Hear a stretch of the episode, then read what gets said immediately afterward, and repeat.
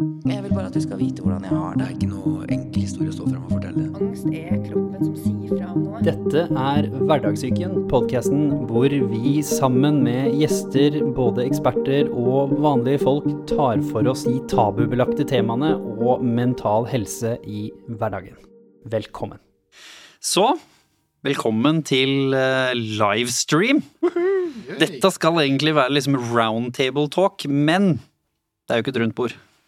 Så det er jo litt problematisk. Så det vet jeg ikke helt hvordan vi skal håndtere. Så vi turte ikke å skrive roundtable i eh, teksten, faktisk. I fare for å få sånn sinte e-mail, litt sånn som NRK kan få. Noen Når kan bli de- krenka. Noen kan bli krenka det også.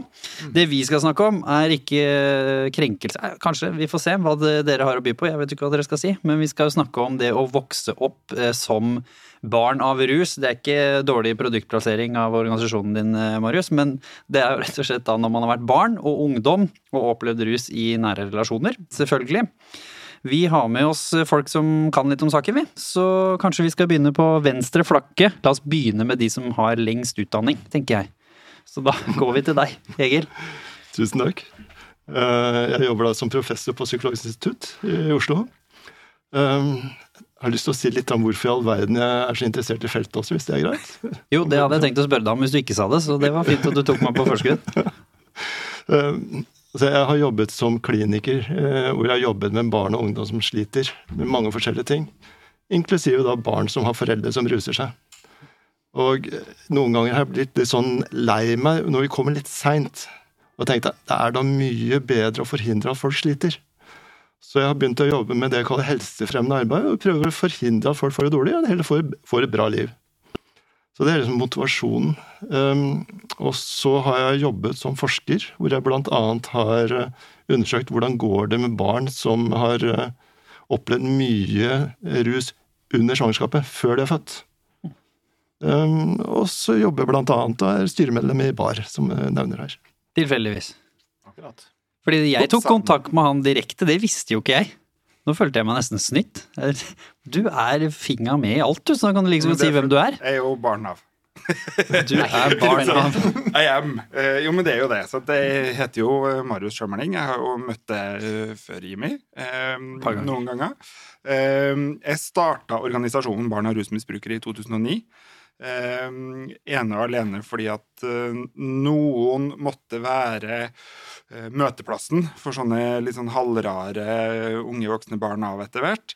Men også det var ingen organisasjon som var sinte på vegne av disse barna.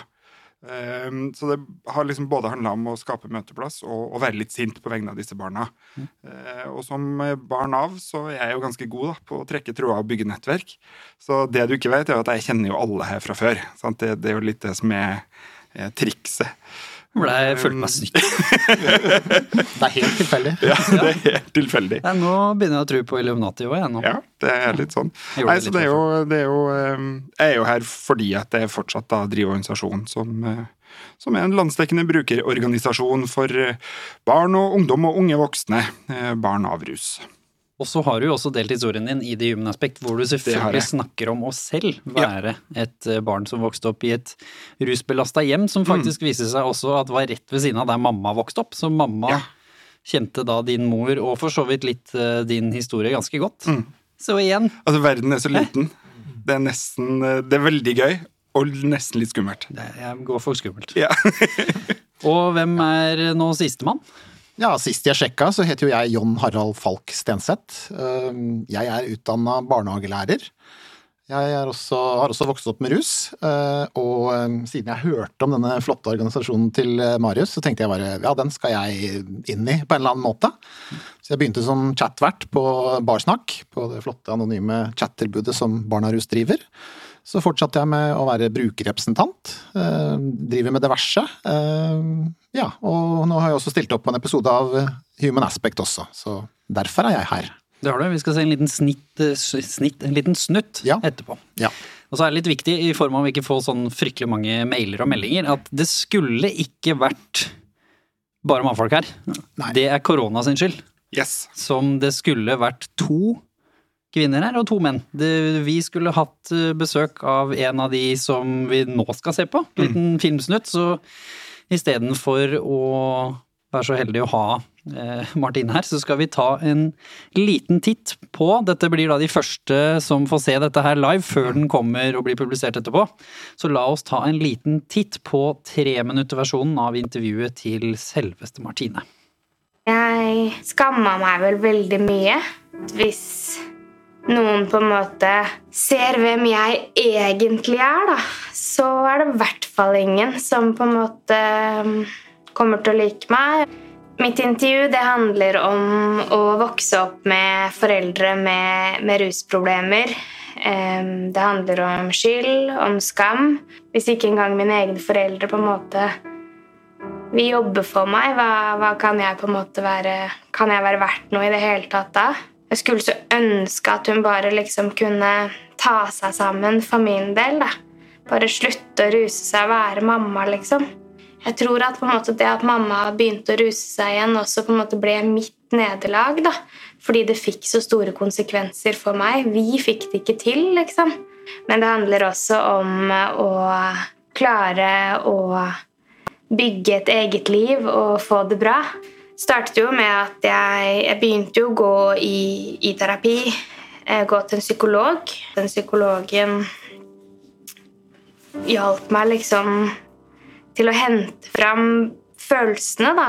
Og så kunne fortelle meg på en måte at det du har kjent på, det du har opplevd, det Sånn skal ikke barn ha det. Noe av det viktigste jeg har begynt med, som kanskje er liksom det mest egoistiske også, det er å faktisk begynne å liksom kjenne etter sånn Hva er det jeg trenger? Og særlig da i relasjonen til, til moren min, da. Um, som uh, enkelt fortalt handler om å, å, sette grenser. Sette de grensene, formidle de grensene og uh, holde fast ved dem, da. Hvis du står midt i det nå, så skjønner jeg at det er tøft. Men hvis jeg hadde vært deg, så hadde jeg kanskje sagt noe om det til én person. Men jeg vet at uh, det kan være skikkelig vanskelig. Uh, men en ting som du kan gjøre etter at du har sett denne videoen, er å bestemme deg for én person som du stoler på, og som uh, er viktig for deg, om det er en venn eller et familiemedlem. Og så kan du sende lenken til den filmen her, og så kan du si at uh, det er en del ting eller en del følelser i denne filmen som du kanskje kjenner deg litt igjen i, og som det hadde vært uh, ok å snakke om. Da trenger du ikke å si så mye, men uh, det gjør da at denne personen får vite at du også kanskje går og kjenner på en del av de samme tingene som, som det jeg har kjent på, som jeg har snakket om.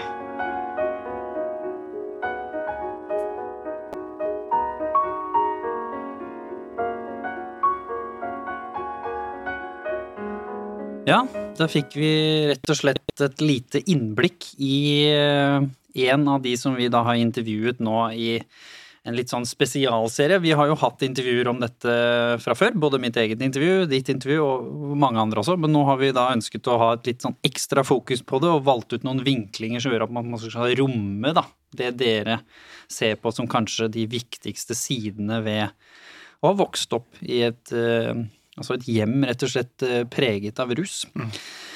Jeg tenker Egil, hva tenker du når du ser på dette her? Dette er jo bare en liten snutt, selvfølgelig, en fulle intervju, men hva er det hun nevner som du tenker litt sånn oi, dette her Dette høres kjent ut. Dette er ting som er vanlig. Det Martine trekker fram, er jo også at livet består av mange ting. Det består ikke bare av selve rusen. Det består av alle konsekvensene av rusen og mange andre ting. Vi snakker om relasjon til foreldre, hvordan alle mennesker har behov for å bli prioritert og likt og vist at det blir likt. Og den Du kan jo tenke seg at det føles veldig langt fra at en ruser seg, til at hun føler skam. Men det er utrolig vanlig.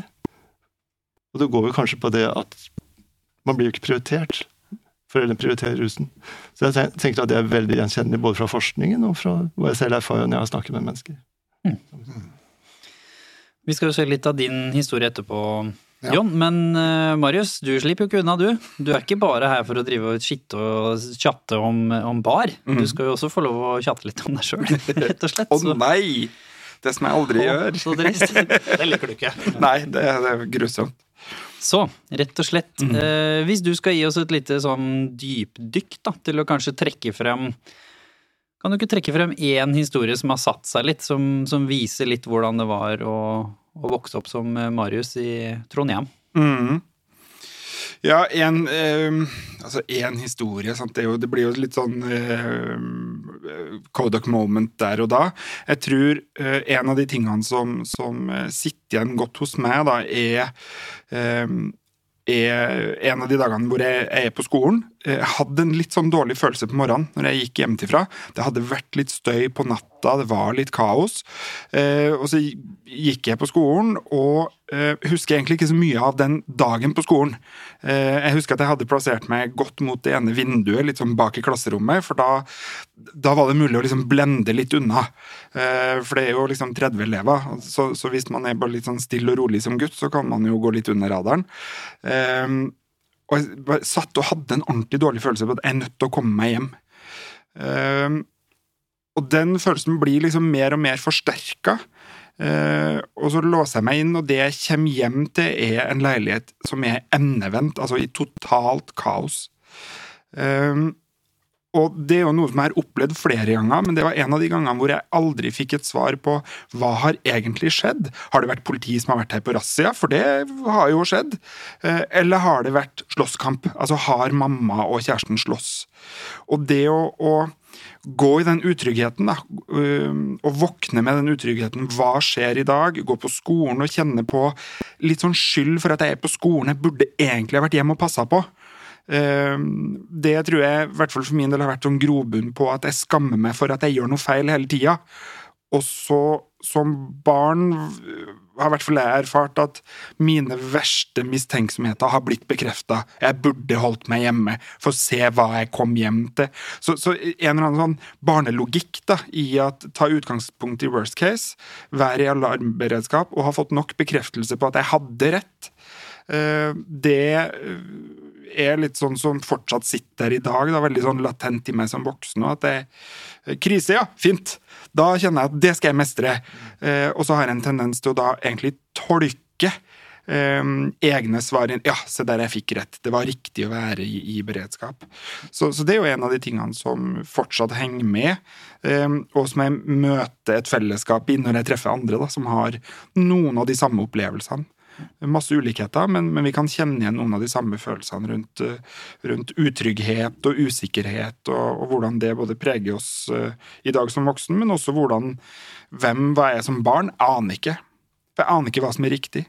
Eh, Så, så aldri lært å kjenne på, på en måte, som Martine var litt innom. Egil, bare med denne barnelogikken som gjør at en, et barn som Marius skal sitte og kjenne på at han, han skammer seg for at han ikke er hjemme. Og dette, dette er jo vanlig. Man skammer seg jo ikke bare for det for ikke å være hjemme, for ikke å ha vært der tidsnok, for at du gikk og la deg sove, for at du ikke stoppa det når det endte opp med at han eller hun slo, når mamma eller pappa drakk for mye, hvorfor kasta jeg ikke flasken ut av vinduet? Altså, det er jo så mange eksempler her. Hva, hva er det du ser i fagsiden om eh, vanligheten her rundt det? Hvorfor er det sånn? Skal vi huske på at foreldrene er de viktigste personene til et lite barn. Um, og barn forstår ofte mye mer enn de klarer å kommunisere. Så barna fanger jo opp at ting ikke er ålreit. Og barn de ønsker at foreldrene sine skal ha det ålreit. De ønsker at de selv skal ha det ålreit. Og små barn har en tendens til å ta mye mer ansvar enn det vi voksne tenker at de gjør, og i hvert fall enn vi tenker at det er sunt for dem. Spesielt i sånne situasjoner. Så og så etter hvert så hender det at det, altså det er veldig variabelt hva folk gjør. Selv om vi vet at de, de fleste småbarn tar altfor mye ansvar, så vet vi at etter hvert som de vokser opp, så er det noen som fortsetter å ta altfor mye ansvar og går aleine uten å snakke med folk. Og så er det noen som tar og skyver det helt fra seg og passer på å beskytte seg selv. Jeg tenker at det kan være ganske så fornuftig noen ganger. Mm. Men det er noe å huske at foreldrene er det viktigste, og når de sliter, så har barna tendens til å ta altfor mye ansvar. Mm. Ja, for på et eller annet tidspunkt så tok du voldsomt ansvar, eh, også, Marius. Mm. Fordi hadde vi sett på din lille treminutterversjon, så velger vi jo gjerne det som kanskje gjør størst inntrykk. Mm. Og da kom det en ny liten historie hvor du nesten gjorde deg selv til drapsmann en stund Mm. Ja, det, det eh, jeg, jeg kan ikke legge skjul på det. Jeg tror, jeg, tror jeg, jeg ville dødd for mamma. Jeg ville gått i grava for hun. Jeg ville alt for å redde hun. Eh, og det innebærer at jeg måtte ta en konsekvens og flytte til Oslo i en alder av 20. For jeg, kunne ikke lenger bo i samme byen som en av hennes kjærester som trigga altså et så voldsomt sinne i meg at jeg, jeg måtte flytte. Eh, så, så eh, jeg var hennes helt, eh, og det er litt fint, da, eh, å ha vært det. Og så syns jeg jo ikke som voksen at det er riktig at barn skal være. Men, men jeg er jo Og det er jo derfor jeg litt sånn starta organisasjonen. For noen må faktisk si til de her små guttene og jentene at shit, ass, så flink du er, du som står i det. Som vasker og rydder, og du beskytter, og du holder det hemmelig. Du veit ikke at du holder det hemmelig, men du gjør det, og det handler om kjærlighet. Sånn, så dette er barn som elsker foreldrene sine uansett. Og det handler jo ikke om at de er slemme foreldre. Eh, For det er masse kjærlighet der, men, men det er bare en familie som ikke funker. Og de barna gjør alt de kan for at familien skal holde sammen, fordi man bare har lyst til å være normal. eh, Og kunne si at 'det her er min mamma og pappa', og være stolt av det. John, Ja. hvorfor skjuler vi det som, som barn? Hvorfor går vi ikke bare på skolen og sier til læreren du, pappa drikker altfor mye og jeg trenger hjelp og jeg orker ikke mer? Hvorfor tenker man ikke sånn som barn? Altså, når jeg vokste opp, så tror jeg ikke jeg tenkte over det engang, at jeg skjulte det. Eh, Før jeg liksom hadde en sånn opplevelse av at vi snakket med noen offentlige personer, en tannlege, og, og jeg, jeg liksom så at mamma skjulte det. At sa, hun sa til tannlegen at 'dette har du ikke noe med'. Og så sa hun til meg etter vi gikk fra den tannlegen eh, at eh, 'han skal vi ikke til hjem'. Og da husker jeg bare tenkte at ok, dette snakker vi ikke om. Men vi snakka jo ikke heller om det, og jeg tenkte ikke noe over det heller. Jeg bare tenkte det her prater jeg ikke om, liksom. Sånn type ting. Dette er min verden, men eh, det bare ble sånn, på en måte. Og så fikk man sånne små påminnelser om at dette her skal du ikke prate om. Og så internaliserer du det, og så blir det bare sånn, ikke sant. Jeg tror ikke jeg tenkte sånn hver dag at dette skal jeg ikke prate om, liksom. I ettertid så har jeg tenkt det. Hva er konsekvensen av det? Å gå og bære på det her, det derre dobbeltlivet, og da, det er jo ikke akkurat eh, Du inviterer jo ikke folk hjem. Nei, det gjør ikke det. Jeg husker også en episode hvor jeg hadde noen hjemme hos faren min eh, siste år han levde, og da var det liksom reagerte de voldsomt eh, på hva de så, for leiligheten hans hadde jo på en måte forfalt, ikke sant. Og da husker jeg bare shit, da husker jeg bare kjente den vanvittige skammen om at liksom ja, det her er jo Hvorfor, hvorfor tenkte jeg ikke det? At det her, det her må jeg ikke vise fram, liksom. Da, hva, hva tenkte jeg på med å invitere noen hjem her? Eh, ja. Hva føler du da, når du står i det? Jeg, jeg følte jeg, jeg følte meg flau. Jeg skamma meg. Jeg var trist. Jeg tenkte bare dette her er jo helt fucka, liksom. Rett og slett. Jeg husker jeg kjenner på den skammen, jeg, og den kanskje en av de tøffere øyeblikkene som jeg husker at jeg delte i intervjuet, det var jo når jeg sitter Han har vekt meg opp, ikke sant, klassiker, og så ta meg med opp og skal liksom Alltid noe klokt å si når du har drikket litt mye, og jeg er jo der og bare Hva er det du vil, på en måte? jeg er jo en 13 år, så jeg har jo blitt ganske reflektert også.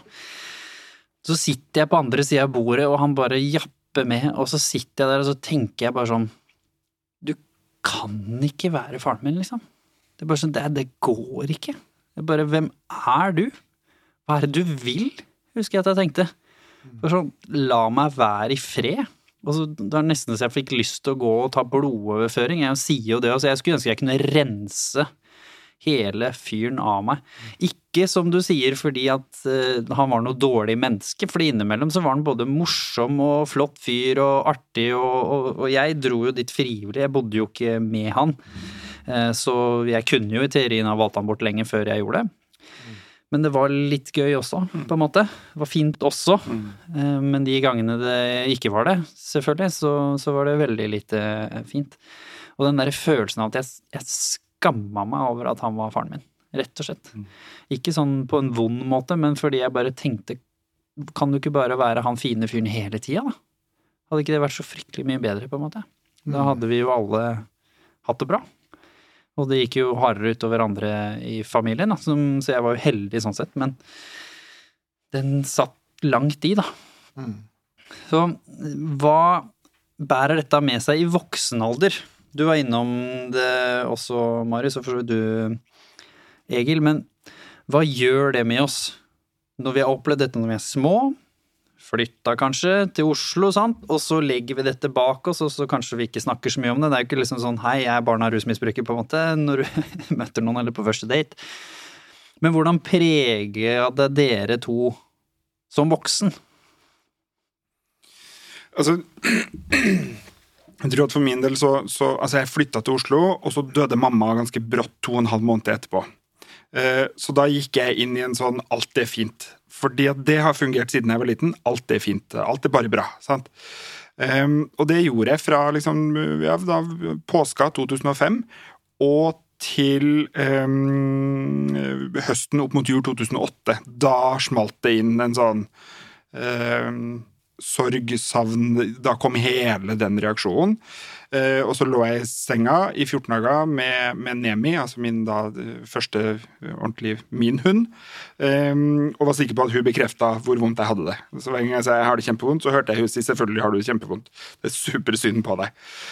Og så var det min daværende ektefelle som var litt sånn Nå syns jeg du er, nå er det veldig synd på deg. Og det var egentlig ikke det jeg hadde behov for. For da kjente jeg sånn Nei, jeg er jo ikke et offer. Det kan du bare gi F i.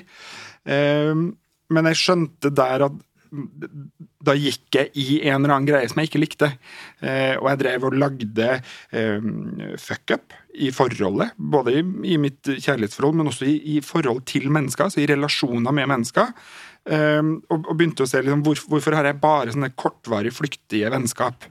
Eh, noen varer liksom et par dager, eh, maks to år. Da er jeg ferdig, jeg. Uh, og måtte liksom begynne liksom, hva, er det som gjør at, Hvorfor er barndomsvenner det er et sånn rart begrep? Hva, hva, er konseptet med det? Det høres innmari slitsomt ut. Um, så var det noen som sa du har ikke vurdert å liksom snakke med noen som ikke kjenner deg. Og du tenkte ja, ja snakke med bikkja mi hele tida? Ja, sant, liksom, det har jeg gjort når jeg var, når jeg var ungdom, så gikk jeg til psykolog, og det er jeg ferdig med, liksom. Um, men så var det jo å starte de stegene, da, og begynne å nøste opp i eh, ikke alt. Uh, og, og, og, det er fortsatt viktig for meg. at Det handler ikke om å ta liksom, tak i alt, men jeg, jeg starta der og da med å ta tak i det jeg opplevde der og da skapte hinder uh, i min hverdag. Og det var nettopp sånne ting som det å ikke kunne uh, bygge vennskap over tid. Jeg hadde lyst til å liksom få kjenne den, og, ha en bestevenn. Det hadde jeg lyst til. Eh, så tok det ganske mange år før jeg kom dit, men, men, det å liksom prøve å ta tak i de tingene som, som var gjeldende her og nå, da. Eh, men så er det jo sånn at det Eh, jeg syns livet fortsatt er ganske slitsomt i perioder. Eh, jeg kjenner meg Jeg kjenner alltid på en ensomhet, enten jeg er med hele familien, eller bare med samboeren, eller bare med meg sjøl, eller med alle jeg jobber med, eller på en scene foran 3000 mennesker. Jeg kjenner alltid på en ensomhet. Jeg hører at folk sier jeg er glad i deg. Det tror jeg ingenting på. Sorry. Det er på en måte livet. Eller jeg tror på det kanskje litt etterpå, men, men, det er bare litt etterpå. Et lite kvarter. Sånn at jeg, Og jeg er needy. Jeg er needy kjæreste. Jeg må ha bekreftelse fem ganger om dagen. Eh, og hvis jeg ikke får det, så begynner jeg med noen sånne mønster og noen katastrofegreier, og så lager jeg en krangel. For hvis det blir krangel, så kan jeg fikse krangelen. Og det er litt sånn som jeg strever med fortsatt. Og det er en bekreftelse? Det er bekreftelse. Ja, sant? For å, se hva jeg får til. Så, så, eh, og det er mindre slitsomt nå fordi at jeg har jobba mye med det. Det har vært tungt, det har vært kjipt. Um, og det er masse motstand fortsatt hos meg. Nei, det orker jeg ikke. Um, men jeg ser at det går an å få hjelp, da. Men det tar tid. Og så er det noen ting jeg liksom har kanskje mer falt til ro med at ok, sånn vil det være. Og det har også vært til hjelp. At noen bare har sagt vet du, akkurat det der tror jeg kanskje du ikke skal stresse så mye med. Bare la det være. Og så har det blitt litt mindre farlig ut av det. Mm. Vi skal snakke litt mer om hvordan du håndterte det ordentlig etterpå. Hvilke konsekvenser har du kjent på i voksen alder, som du liksom nå har forstått henger sammen med det du vokste opp i? Ja, det er mange. Det, det går jo i faser i livet. Jeg husker når, i 20-åra så var det sånn at jeg var veldig peila på folk rundt meg. Jeg var veldig sånn tilpasningsdyktig, for det hadde jeg lært hjemme. da, At jeg liksom måtte passe på å ikke ta for mye plass, fordi at eh, da kunne pappa ha ekstreme følelser i alle retninger. ikke sant? Så jeg må bare passe på å ikke si noe, ikke, ikke være der, nesten. Så jeg var veldig sånn som peila meg inn på andre mennesker rundt meg. Og hvis andre mennesker sa til meg liksom at ja, nå er det så og så, så lenge siden pappa din døde pga. at han drakk, eh, nå må du være ferdig med dette. Så tenkte jeg ja, ja, nå må jeg være ferdig med dette. Nå må jeg ikke vise det, liksom. ikke sant?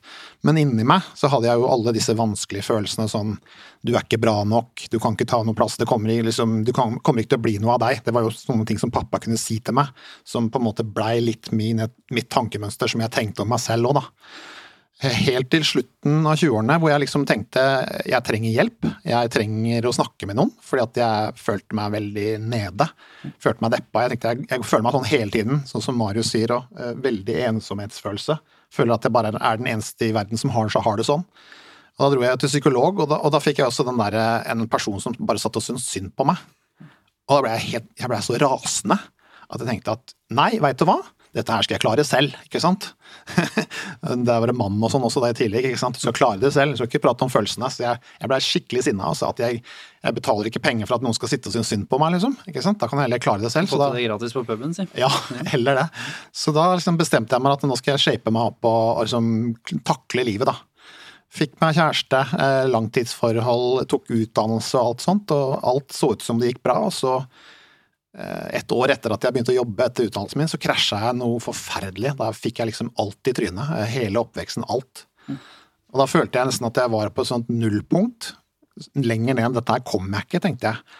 Nå må jeg ta tak i dette her. Det er nå eller aldri, tenkte jeg. Og det gjorde jeg da.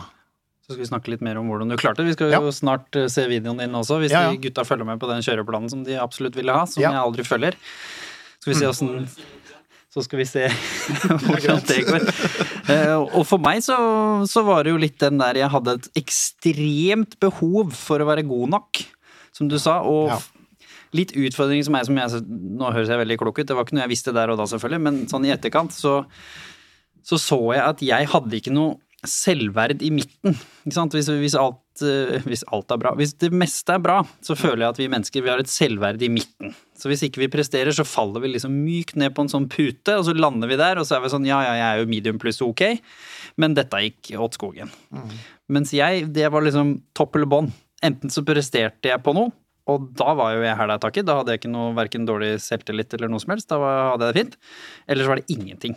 Og da var jeg ubrukelig og kunne like så godt ikke ha vært her. Mm. Og det var liksom ingenting imellom. Og jeg forsto jo at dette var jo et underliggende behov for å få anerkjennelse av denne ene figuren som ikke hadde gitt det. Mm. Og jeg hadde det jo andre steder i familien. Mm. Jeg vet jo Du også, Mario, snakket jo om noen besteforeldre og folk mm. innom der som, som, viste kjærlighet, og som var der. Men, men liksom, et eller annet sted så, så, var ikke det godt nok, da. For det måtte komme fra denne ene mm. mennesket som gjorde at jeg hadde en sånn ekstrem behov for oppmerksomhet, som på ingen måte var sunn ehm, et sted. Og til slutt så fant jeg meg selv i Singapore, hvor jeg sitter der og lever kanskje drømmelivet til alle vennene mine og lurer på hvordan i svarte jeg er, hva gjør jeg her? Hva, liksom, hvem er jeg, hvor skal jeg? Jeg hadde ikke peiling. Og det var da jeg først forsto dette, da. At det kom derfra. Og som du sier, denne her følelsen av at du liksom aldri er bra nok uansett hva du gjør. Mm. Fordi er det fem pluss på skolen, så kunne det vært seks. Er det liksom at du scora ett mål, så kunne det vært to. Har det liksom én jente sagt ja til date med deg, så skulle du liksom Da var ikke det bra nok heller, for hun sa jo ikke ja med en gang. Hun venta jo to dager før hun svarte på meldinga. Ikke sant? Altså, det er alltid et eller annet som ikke når opp, da. På en måte. Men øh, siden vi har ekstra tid her, ifølge gutta krutt på sida, så hvor, eh, liksom, hvor vanlig er disse konsekvensene som kommer i etterkant? Fordi én ting er jo barn og unge der og da, hvor kanskje mye handler om å flytte eller kanskje få noe støtte eller få hjelp til foreldrene og, og disse innlysende tingene som man kan få hjelp til hvis man bl.a. tar kontakt med Bebarsnakk eller andre organisasjoner. Men hva med oss voksne, da? Mm som måtte bære på denne bagasjen, og går der som sånne lure, luringer i verden og tror at ja, ja, ja, dette går fint, dette takler vi sjøl. Jeg syns det er så interessant å høre historiene, for det dere viser, er de tingene som vi ikke måler i forskningen. For det viser hvordan relasjoner blir påvirket, selvverd blir påvirket, hvordan følelser blir påvirket. Og vi er utrolig dårlige til å måle det. Det vi måler, er ok, hvor ofte blir man slått? Hvor man overgrep er det? Hvor mange blir eh, rusmisbrukere selv, osv. Og, så og vi ser at har man hatt uh, foreldre som har drikket mye, misbruk av alkohol, så er det doblet risiko. Dobbelt så stor sjanse at man får sånne problemer selv. Og det samme med psykiske helseproblemer også. Dobbelt risiko. Men jeg skulle ønske at vi visste mer om nettopp sånne ting som vi snakker om her. Eksempel det med selvverd. For vi har masse indikasjoner fra andre områder. Vi ser at okay, hvis du har dårlig relasjon til foreldrene dine, så kan det påvirke hvordan du ser på deg selv. Og det har sterk sammenheng med f.eks. muligheten til å kunne få seg jobb. Det er faktisk vanskelig å gjøre en god jobb hvis du ikke stoler på at du kan gjøre en god jobb. Som et eksempel. Absolutt. Um, men jeg tenker også det er viktig å skille mellom uh, aldersgrupper. Du spesifiserer jo hvordan det er når man er voksen. Um, jeg er sikker på at det også sitter folk og hører på som fremdeles bor med familien sin. Uh, så jeg tenker det er veldig ålreit når, sånn som videoen i stad, at hun sier noe om hva man kan gjøre når man uh, er der fremdeles. Det er veldig godt du kommer tilbake til det. Men jeg tenker også det er greit å huske på å snakke om, om det at uh, det er veldig mange som er ensomme der, og dere er ikke aleine. Det er utrolig vanlig i en vanlig klasse. Vi vet ikke hvor mange som bor med foreldre som ruser seg, men vi tror at det er et eller annet sted mellom 3 til 20% Det betyr at i en vanlig klasse så er det mellom 1 til 6 personer som har foreldre som har et alvorlig rusmisbruk. 1 til 6 i hver klasse. Så vanlig er det. Så alle de som sitter rundt og har foreldre som har alvorlig rusmisbruk, dere kjenner noen andre som er i samme situasjon. Nesten garantert. Mm. Og her er det jo viktig å ta med, fordi det blir jo lett å tenke liksom ja, jeg mener at foreldrene mine sitter med nåla i armen. Fordi rusmisbruk og avhengighet, så har vi en sånn fascinerende tendens til å liksom ekskludere alkohol. Mm. Som er jo det vi har snakket mye om. Altså, det har vært begge deler involvert eh, for deg, Marius, men sånn Det er virkelig ikke bare de som på en måte sitter med, med heroinnåla i armen, som dette er snakk om. Eh, og de store konsekvensene og voldshandlingene hjemme og disse tingene er jo veldig mye oftere forbundet med et grovt alkoholmisbruk, og til og med ting som bare øl. At man bare drikker for mye øl, på en måte. Så det er jo ikke i utgangspunktet per definisjon kan du kjøpe i butikken. Mm. Altså, Vi vet ikke hvor mange som eh, har kall det ulovlig rusmisbruk versus alkohol, men vi tipper at ca. 90% av de som er rusbrukere i Norge, det er på alkohol. Mm. Ikke på ulovlige rusmidler. Mm. Ja. Og så vet vi, vi vet jo noe etter hvert at der hvor det er illegale rusmidler, så er det flere hjelpetiltak, raskere hjelpetiltak, og ikke minst raskere vedtak om flytting gjennom barnevern. Og det går ikke an å sammenligne det på alkohol. Vi har jo bare gjort interne kartlegginger hos oss, eh, hvor, hvor 85% oppgir alkohol som hovedrusmiddel, og av dem så er det 79% som aldri før de fylte 18 år, var i kontakt med noe hjelpeapparat. Sånn at Det er den store gruppa. Sånn at Sånne som meg, som hadde en mamma som, som uh, syntes amfetamin og heroin var på en måte the top of the notch, uh, og bodde i det som ble omtalt som et narkoreir i, i avisa når det ble gjort beslag, uh, det er meg det er færrest av. Uh, men det med man har en tendens til å synes mest synd på, fordi at det må være skikkelig vondt. Og det er jo en av de tingene som kanskje provoserer meg mest i dag. Da, sånn, ikke, ikke påstå at jeg har hatt det mye verre fordi at det var illegale rusmidler. Det har ingenting med saken å gjøre. Den, det er de samme følelsene? Det er de samme følelsene. At mamma var like susarusa hun som det, det, andre blir på alkohol. sånn at det, det, det, er jo ikke rusmidlene som bestemmer om eh, barn opplever dette som belastende eller ikke. Så, så, så jeg tror at det er, dette handler om, i hvert fall for, for, min del og for organisasjonens del, om dette barneperspektivet. Vi må innta barnets rolle og perspektiv i dette, og det handler om at mamma og pappa er der, men allikevel ikke er der. Ikke er der og bekrefter det som, som den du er, da. Absolutt. Mm. Nå skal vi rett og slett ta en liten titt på deg. Det som er litt morsomt, du har jo ikke sett det. Så, så, nå skal vi ta en liten titt på treminutter-versjonen eh, av eh, ditt intervju. Du var selvfølgelig til stede, så det er jo ikke ja. sånn at eh, du, du, er jo klar over sikkert hva du sa. Jeg husker litt av det, ja. ja. Men nå får du se litt hva vi som team har valgt å trekke frem ja. i den versjonen som kommer på Facebook. Den har ikke kommet ennå, så den kommer om noen uker. La oss ta en titt. Ta til meg at jeg jeg tar livet av meg med alkohol, jeg, gutten min, sa han til meg. Så tenkte jeg bare hva skal jeg, hva skal jeg gjøre med denne informasjonen her? Ja, hva skal du gjøre med det? Hvorfor sier en pappa det til deg, liksom? Mitt intervju handler om oppveksten min, hvordan jeg vokste opp med at pappaen min drakk veldig mye. Mamma drakk også perioder. Jeg ble mobba på skolen. Begge foreldrene mine drakk.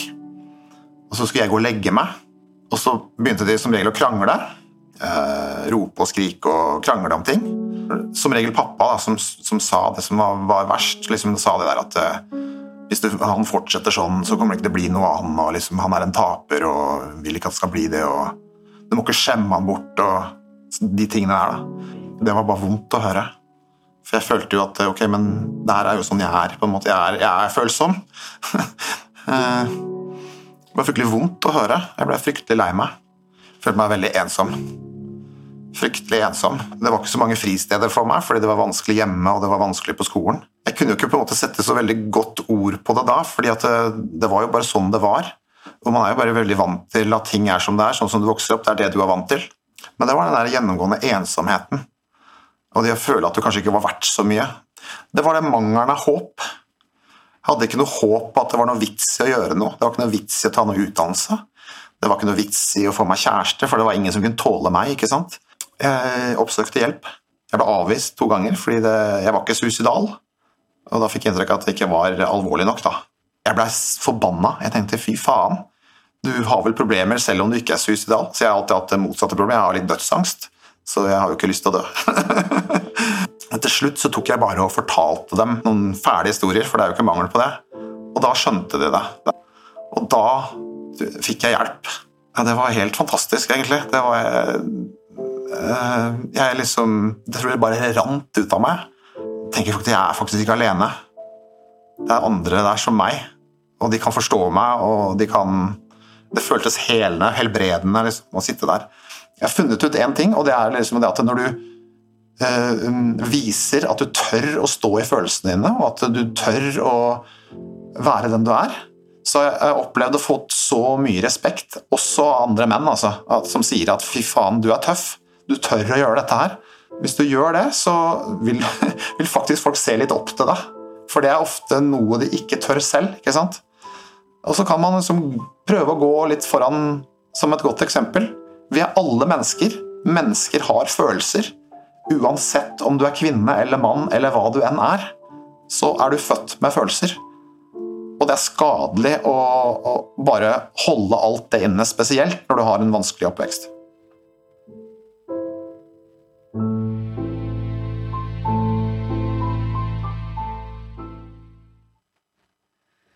Så da titta vi litt uh ja. på deg, vi. Ja. Ja. Hvordan var det å se det selv først? Vi kan jo spørre om det. Jøss, han er jo ikke så verst klok, han fyren der, tenkte jeg. Han sa et annet klokt? Jeg sa noe som jeg kunne relatere til, liksom. Så det, ja. Det er sterkt å se det. Jeg ser jo at jeg er litt prega også, at jeg er i følelsene på en måte. Men det har jo vært litt mitt prosjekt òg, det.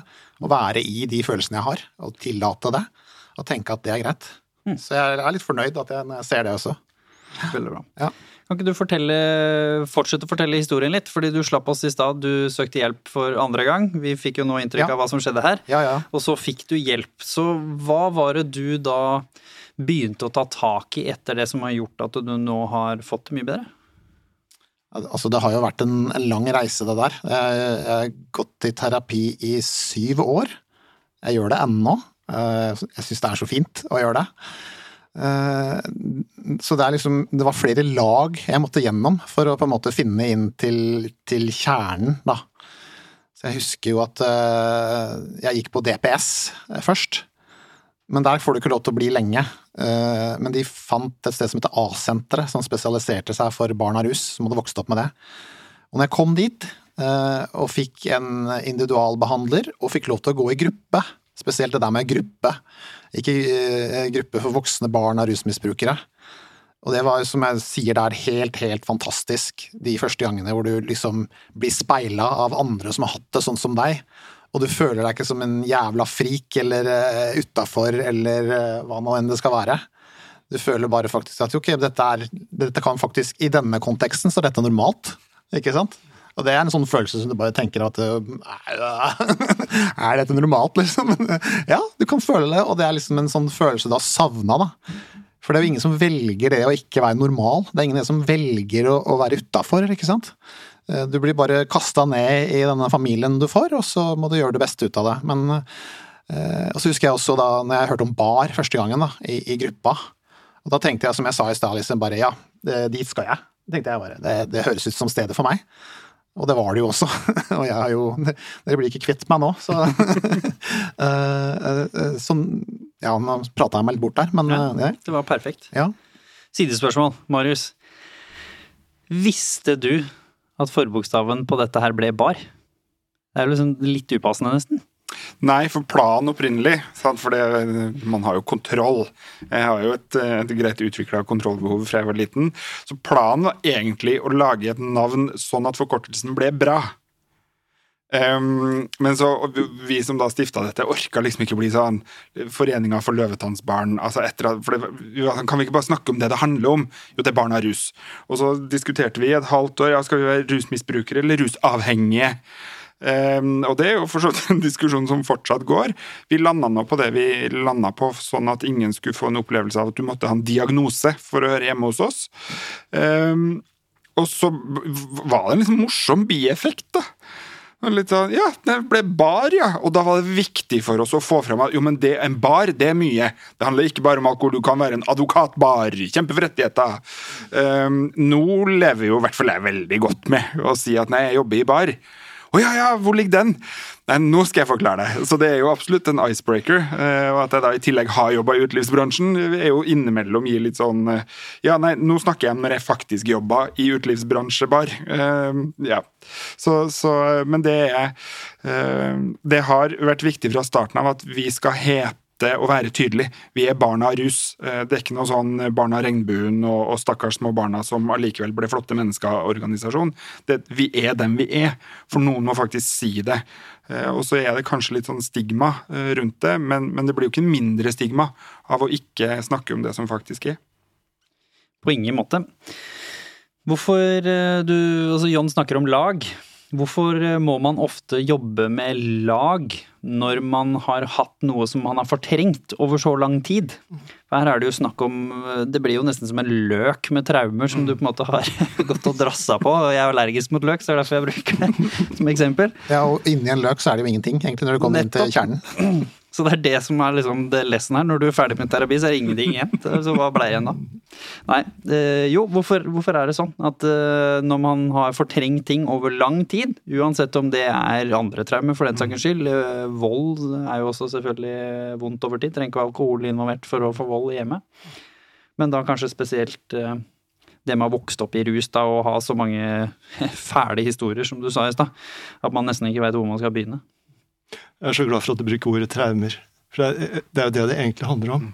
Vi snakker ikke om at noen foreldre drukket, vi snakker om barnet barnet, hva det har opplevd, og det har opplevd traumer. Det har opplevd noe som er helt forferdelig og helt jævlig, for å si det enkelt. Og hva gjør vi når vi opplever noe som er helt forferdelig? Vi beskytter oss. Uh, og det er mange måter å beskytte oss. Noen måter er sånn å bli veldig aktiv. Nå er jeg klar for neste uh, ting som skjer. Nå skal jeg reagere med en gang. Andre er sånn at uh, Nei, dette vil jeg ikke forholde meg til. Dette vil jeg ikke se, dette vil jeg ikke høre. Så man fortrenger det. Um, en reaksjonen er at noen faktisk får mye dårligere hukommelse om hva som skjedde når de var barn, så de husker rett og slett ikke. Um, mens noen er sånn at uh, hvor de både ikke husker hva som skjedde når de var barn, men kombinert at det, hvis en flaske knuser, så er de på med en gang. På tross av at de ikke husker de opprinnelige situasjonene hvor flaskene knuses. Klassisk PTSD. Ja, Ja. nettopp. Og hvis vi, altså Veldig mye med PTSD og traumer det handler om hvor man har skjedd én ting. Men så viser det at det er veldig mye av det samme, og det kalles kompleks PTSD, hvor man har opplevd gjentatt og gjentatt og gjentatt, og inkludert også relasjoner av foreldre, omsorgssvikt, mishandling. Alt dette her kan høre sammen. Og det kan ha alle mulige variasjoner. Men man tenker at det man må tenke litt likt. At eh, jo, det er traumer, og heldigvis har vi etter hvert fått masse kunnskap om hvordan hjelpe folk som har traumer. Det er heldigvis ett av de feltene innen psykologien vi vet mest om hvordan hjelpe. Ikke alle, ikke alltid.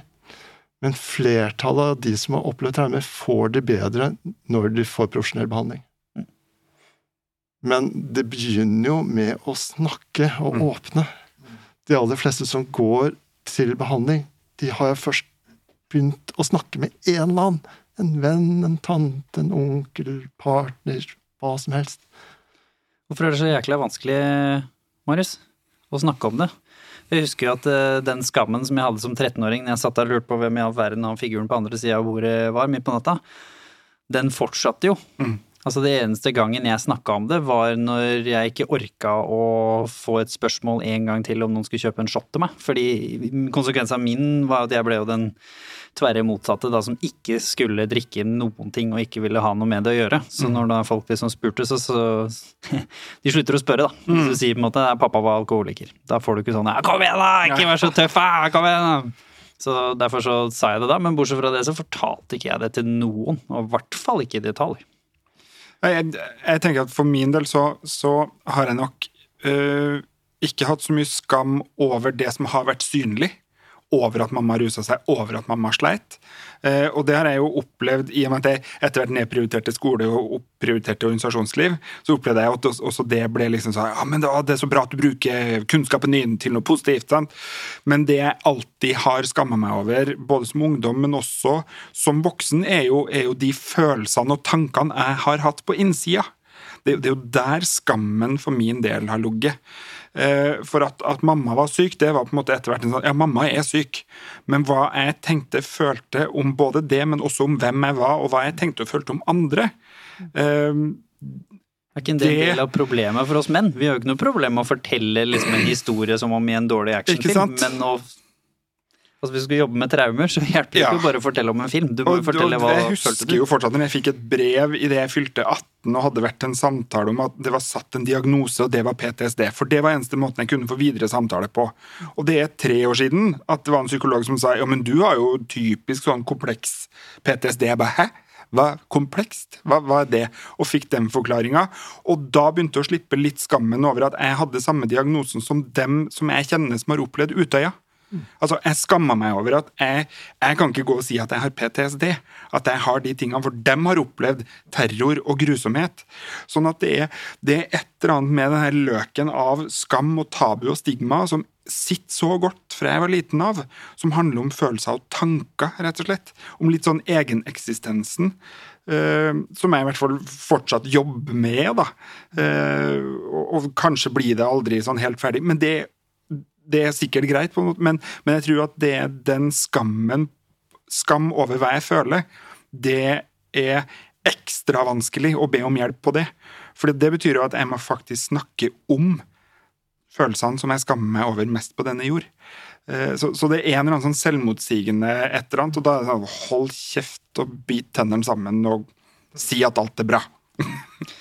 Sitter siden, du sitter ved siden av læremesteren. Du sa jo i intervjuet ditt at eh, du på en måte virkelig skulle være den følsomme som du kanskje faren din viste uttrykt uttrykte at han skammet seg over da, når du vokste opp. Ja. Så du har jo vært flink til å ordlegge både følelser og, og sikkert snakka litt ekstra om det i terapi. Så hvordan hjalp det å snakke om også følelsene, og ikke bare fortelle hva som skjedde, som er litt sånn typisk eh, mange av oss, både menn og kvinner, som har ja. Eh, opplevd dette som barn? Nei, altså det, For meg er det nesten forskjell på god og dårlig livskvalitet. Fordi at jeg har disse følelsene. De er der, og de er ganske sterke til tider. Og det har ikke funka så veldig bra for meg å stenge det inne, eh, egentlig. Så eh, det er jo en eh, pågående prosess, da. Jeg holder jo Jeg kan feile ennå, liksom. Men, men jeg er veldig mye mer på nå. Eh, jeg kjenner ok, det var dette. Nå bør jeg ikke vente to dager og liksom sitte og analysere meg selv og tenke hva var det jeg følte her, liksom. ikke sant? Nå kan jeg liksom Oi, en time etterpå. Ja, men dette følte jeg, ikke sant? Uh, men, men, så det er jo sånn jeg jobber med hele tida. Uh, og, og, og, jeg kjenner det når jeg er i terapien nå også, og kan, jeg er på et helt annet nivå enn det jeg var før. Uh, Hva legger jo... du det? Helt annet nivå? Prøv å forklare det for oss. Nei, ass, ja. Altså, Folk har jo opplevd meg som, som, relativt har det bra før også, men da var jeg veldig på å ha på maske eh, og, og, gjøre det som var forventa. Og si det at eksempel nei, jeg er ferdig med oppveksten min, det, det er ferdig med. Den var trist, den, liksom, men eh, For det var det, det, det, helst folk vil høre, for de vil ikke høre at du sliter, på en måte, ikke sant. Så da sa jeg heller det. Mens, mens, nå så kan jeg si, prøver jeg å si hvordan jeg har det, rett og slett. Så ja. Det går an å lære seg ord for følelsene sine, ja, det er fullt mulig. selv om man kanskje ikke har hatt de før. Ja, og så, altså er det jo litt sånn at du kan eh, For meg, og sikkert for mange menn, så er det litt sånn sinne. Det var en veldig lett å gå til, den følelsen der. For det er lov som mann å ha. Ikke sant? Sinne, det, du kan være sint. Vær så god, jeg kan ikke det. Ja, jeg, jeg, jeg kjenner, ja. det vet Men for, eh, for, meg, da, så var det litt sånn at sinne er lov. Men å være trist Nei, det er ikke så veldig lov. Eh, fin man, mannlig følelse å ha, liksom. Da er du lite mandig ikke sant? Eller ja, verst av alt, gråte. Det må du ikke finne på. Det var bare noe jeg Før så var det bare noe jeg gjorde når jeg var alene. Så jeg har liksom alltid visst at jeg har vært en følsom kar, men vokste opp i en kultur hvor det ikke er så veldig gangbart. Da. Så, så jeg kunne grine når jeg var aleine, ikke sammen med mennesker. Så jeg husker, jeg husker liksom første gang jeg klarte å grine i den gruppeterapien. Da føltes det som liksom Liverpool hadde vunnet 7-0 eh, over Manchester United. Det var liksom bare sånn er det det du drømmer om på søndag? Ja, det er det faktisk. Men nok om det. Eh, og da husker jeg det var nesten som jeg var høy eh, etter den timen. Jeg liksom bare klarte det. Det var fryktelig skummelt òg, men det var helt fantastisk. Ja, det er, det er, på en måte fryktelig komplekst dette her for veldig mange som har båret på disse følelsene lenge, men når du da faktisk få satt ord på det, få sagt det, få hørt noen andre si det i gruppesetting, få sett en video hvor noen setter ord på det. For det, veldig ofte så mangler det ord også. Mm. Det er lett å tenke at liksom, jo, men alle i Norge klarer vel å forklare følelsene sine. Eh, nei, det gjør vi ikke. Nei. Så hva er det som kanskje kan være så viktig med å komme til en fagperson eller snakke med noen andre om det for å rett og slett bare få et vokabular. Mm. For det kan hende jeg vet åssen følelsen er, jeg bare klarer ikke å forklare det. Så jeg gikk og prøvde engang. Det er så mange ting å tenke på. Det ene er at folk er utrolig forskjellige. Alle vokser opp i forskjellige familier med forskjellige foreldre. Og vi mennesker er så tilpasningsdyktige. Så de fleste små barn tilpasser seg jo hva som er rundt dem. De tilpasser seg hva er det som gjør at jeg får min mamma til å smile. Og det kan være veldig forskjellig fra mamma til mamma. Så noen følelser blir akseptert i familien, og man venner til at de kan man vise. Mens andre Oi, hvis jeg visste den følelsen, da ble det slåsskamp. Så den viser jeg i hvert fall ikke. Og det å finne ut av hvilke følelser er ok, hvilke er ikke ok Og så kombinerer man det med at man har opplevd traumer. En, av, en veldig vanlig reaksjon av traumer er at man faktisk føler mindre. Det høres veldig rart ut, for man er mer klar. Men samtidig så Man vet jo ikke helt hvorfor, men kanskje man er litt matt. Man blir litt følelsesavflatet enn det blir det. Det er, det er ikke plass til alle disse følelsene. Så En måte å beskytte seg på er å ikke ha så mye følelser. Det er jo en overlevelsesstrategi, tenker jeg da. Jeg som på en måte også opplevd eh, krig også, så, så er det jo litt sånn at den typiske når du opplever en faretruende situasjon, så stenger man jo de av. Da er det jo på en måte lizard brain eh, som styrer sjappa. Og det er jo litt det samme når det skjer over tid, tenker jeg. Når du liksom, ja, men det er ikke rom for at jeg skal ha det vondt hele tida, fordi gjør jeg det, så da dør jeg, på en måte. Det er jo sånn det føles. Så derfor så kanskje man liksom bare tar på volumknappen og bare tar den på minus, og så prøver vi sånn. Problemet med det er at eh, da klarer du jo faktisk nesten ikke ordentlig å glede deg over om laget ditt skulle vinne 7-0 engang. Da blir det bare litt sånn ja ja, det var knall, det. Står og hopper litt, men jeg er jo egentlig, jeg er egentlig ikke glad engang. Mm. Og det er jo superproblematisk som voksen, når man da skal prøve å komme inn i relasjoner mm. og inn i et forhold. Eh, spesielt hvis du er mann i tillegg, da, så får du jo virkelig gnidd stereotypen inn i huet. At ja, ja, nei, men du, du er en sånn ikke-følsom mann, du. Du klarer jo liksom verken å være glad, blid eller noe som helst. Du klarer knallbra sånn i alt annet fordi du bare er medium pluss, men stopper der. Altså, jeg, hadde aldri gått inn i en ny relasjon etter den skilsmissen uh, hvis det ikke hadde vært for en psykolog som sa 'men hva har du egentlig å tape?' Um, og det handla rett og slett om hvor stort problem det var for meg uh, at det ble liggende brukte sokker på gulvet. Altså, Hvorfor kan du ikke putte de sokkene i skittentøyskurva med en gang? Altså sånn, sånn det, det, det, det, bare, det messa til alt i min verden, de sokkene. Um, og, og, lærdommen var jo sånn ja, men jeg kan jo ikke gå inn i nye relasjoner og la liksom, folk bli utsatt for dette, for jeg, jeg blir jo et grusomt menneske. Uh, og på huset, ja, men hva har du å tape? Hva, hva da? Jeg kan jo skade noen. Ja, men hva har du på å tape på å si det på første date, da? At ditt største problem i en relasjon, det brukte sokker på gulvet. Og, og, det var steg én, på en måte. Uh, Sånn at, at jeg er jo, er jo, helt enig med deg, Jon, på at det er Hvis det ikke sier noe om hva jeg opplever, så stopper det jo opp. Og da, da blir jeg nummen, sånn som Egil beskriver. Eh, og på jobben min så er, det, så er det fint, kjenner jeg, å kunne bli nummen i møte med alle historiene. For, for det er litt sånn med å overleve og, og sånn, men, jeg, men jeg, kan, ikke, kan ikke bare være nummen og ikke ta det inn. Altså Jeg må ta det i en prosess etterpå, men jeg kan ikke ta alt samtidig. Mens, mens i en i privatlivsrelasjon så kan jeg jo ikke gå rundt og være nummen. Uh, Sjøl om jeg tror kanskje samboeren min innimellom skulle ønske at jeg var litt nummen. Spesielt når det begynner å bli litt, litt lite i min verden av innhold i kjøleskap, da, for det er min store trigger. Da kommer fattigdom og sosial klient og alt sånn.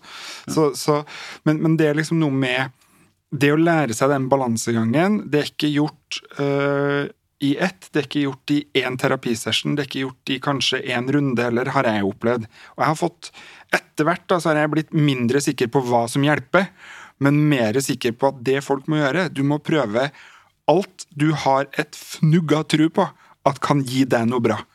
Så enten det er tydeligvis For noen da, så er det krystall. Fint! Kjør på. Snakk med noen. Rosenterapi, ja ja. Go for it! Psykiater. Hiv deg innpå. DPS-en, kjør i vei. Rusbehandling, klæsj i vei. Eh, gågruppe, turgruppe, klatring i vegg. I don't know. Eh, det du har bitte litt trua på at kan gjøre livet ditt litt bedre, i hvert fall ikke vent med det.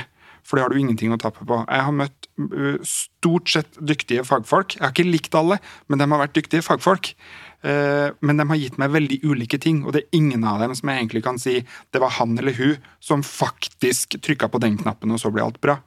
Men til sammen over noen år så har livet blitt vanvittig mye bedre enn når jeg var 14 år og var helt sikker på at det er dette som er livet. Det handler om å ikke si noen ting, ikke føle noen ting, bare passe på mamma. Så dem som sitter der ute nå, det er helt greit at det er håpløst, for det er akkurat sånn det føles for mange. Men, men det kommer til et punkt hvor det går an å ikke ha det håpløst hele tida. Hvorfor er det så viktig i den prosessen der å kanskje få tilgang til å se at du er ikke aleine, i hvert fall? Sånn som du sa. Vi har snakket om grupper, vi har snakket om liksom chattetjenester, human aspect-intervjuer, ting er gratis tilgjengelig, det er ikke noe opptatt signal, ikke sant. Bare det å i hvert fall én, da, to, tre. Trenger ikke å være akkurat mm. samme historie. Bare se at noen av de følelsene som dere beskriver på de to videoene vi har sett nå, og som vi har delt her i dag, at det er andre som har på de òg. For det er så lett å sitte der og tenke at jeg er den eneste i hele verden. Uansett hvor mye statistikk jeg hører eller står i VG, så tror jeg fortsatt at det var bare jeg som har det akkurat sånn. Mm. Fordi hvis jeg legger på XYZ som hører til min historie, da er jeg aleine om den. Ikke sant? Det er nesten så vi har et behov for å være aleine med vår egen historie. En litt sånn absurd greie.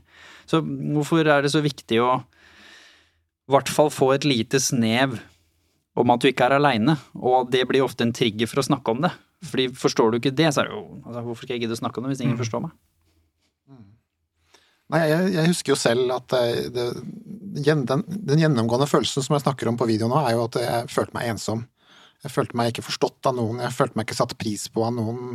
Jeg fikk ikke noen av de tingene som man skal få da, når man vokser opp, som gjør at du kan bli et helt menneske som gjør at du kanskje har litt den der tjukke veggen inni deg som kan tåle livet. da, ikke sant? Du har fått de verktøyene som skal til for å tåle livet, for å tåle relasjoner med andre.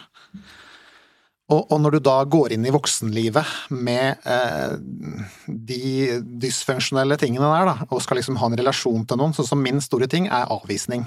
Eh, kona mi hun må takle at jeg ikke tåler avvisning, og at da blir jeg veldig, veldig Jeg reagerer veldig fort. Hun syns nok det er veldig slitsomt. Eh, velsigne henne at hun er så tålmodig som hun er, og at hun er glad i meg. Hun pleier å si at du har en del gode sider, John, som veier opp for dette her. Så. Men sier jeg takk. Eh, så som Marius sier, skal jeg tro på dette, liksom? Det sånn.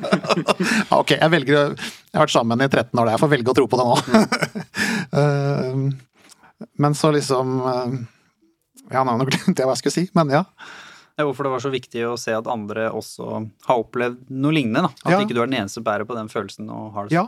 Et så godt eksempel når jeg sitter på chatten, da, eh, eh, så snakker jeg jo med barn og ungdom som er ganske unge. La oss si fra 13 til 15, da. Og jeg er en godt voksen mann, ikke sant. Og så, og, så, og så hører jeg følelser som jeg bare kjenner meg igjen i med en eneste gang. Det er det samme som for 30 år siden. Det er de samme følelsene som dukker opp igjen og igjen og igjen. ikke sant? Og det er den ensomheten, da. Og da veit jeg hva jeg skal si. Eh, Jeg syns ikke det er vanskelig.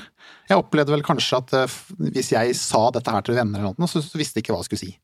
Ante ikke hva de skulle si. De bare syntes synd på meg, eller 'dette var trist', liksom. Mens jeg med en gang liksom kan si noe Jeg, jeg, jeg vet hvordan dette er her. Jeg skjønner, og jeg kan si det til dem, og så får jeg tilbake 'jøss, det er første gangen noen har sagt til meg'. Det, det ga veldig mening for meg, ikke sant. Er ikke det et mysterium at noen kan si det først Altså, Ja. det er samme som i en av intervjuene så var det som noen som sa til de var 18 år første gang de hørte noen sa at de hadde gjort en god jobb. Mm. Som er snakk om den derre, ikke sant, som du sier at du trenger ikke å liksom ha blitt slått og putta ansiktet ditt i syre for å ha blitt fått en traume. Mm. Hvis ingen har fortalt deg fram, fram til du er 18 år at du har gjort en god jobb. Det er et traume. Ja. Et heavy traume. Jeg, jeg var på en konferanse i London i 2010 eh, som handler om avhengighet og traumer. Det er første gangen at Og da var jeg 2010, da var jeg i hvert fall voksen. Eh, begynner å pushe 40 snart, det er jo helt grusomt. Men, men altså, da var jeg ja, nærmere 30, da. Eh, og da Det var første gangen at jeg hørte noen snakke om at barn som vokser opp i familier med alvorlig psykisk sykdom, vold, rus, altså den type ting, det er trauma. Da ble jeg helt sånn Hæ? Trauma? Og, og det resulterte i mitt første angstanfall. Ehm, og så var jeg sammen med noen som jeg var veldig trygg på, og, og god venn, og alt sånt, så det gikk fint. Men det, det, det, det, hun, professoren sto og snakka om på scenen foran 500 mennesker, det traff så heftig inn, og det var første gangen jeg hørte at noen sa det er traume. Og da var jeg helt sånn! Det åpna seg en helt ny verden. Fordi at det var så godt at det var bare noen som sa, eller ga meg den boksen, forklaringa. Litt sånn som en kompleks PTSD. Og bare, oh. «Åh!» Ja, så, så det er såpass vanlig at det fins en ramme og en diagnose på det. Det er faktisk gjort forskning på dette. Og, og det, det er jo en validering, det òg, av følelser og opplevelser. Um, så, så jeg kan jo noen ganger bli arrestert for at jeg blir litt sånn Vi må gi disse barna en traumediagnose, sånn at de forstår konteksten. Uh, og, så skal vi jo ikke bare liksom kaste ut diagnoser, men det er, det er og Vi har jo diskutert dette før, Jimmy, at det er, diagnoser kan være en forklaringsramme. Og når det er det, så er det så bra. Men da må det brukes på en riktig måte for å gi riktig god hjelp. For det er jo sånn som du sier, Egil, det fins faktisk i dag gode muligheter til å få god hjelp med dette. Eh, når man bruker den eh, kompetansen og kunnskapen som, som fins. Absolutt. Så eh, nå skal dere, dere som ser på, begynne å få lov å stille litt spørsmål, for det skal vi svare på etter at vi har sett eh, det neste intervjuet.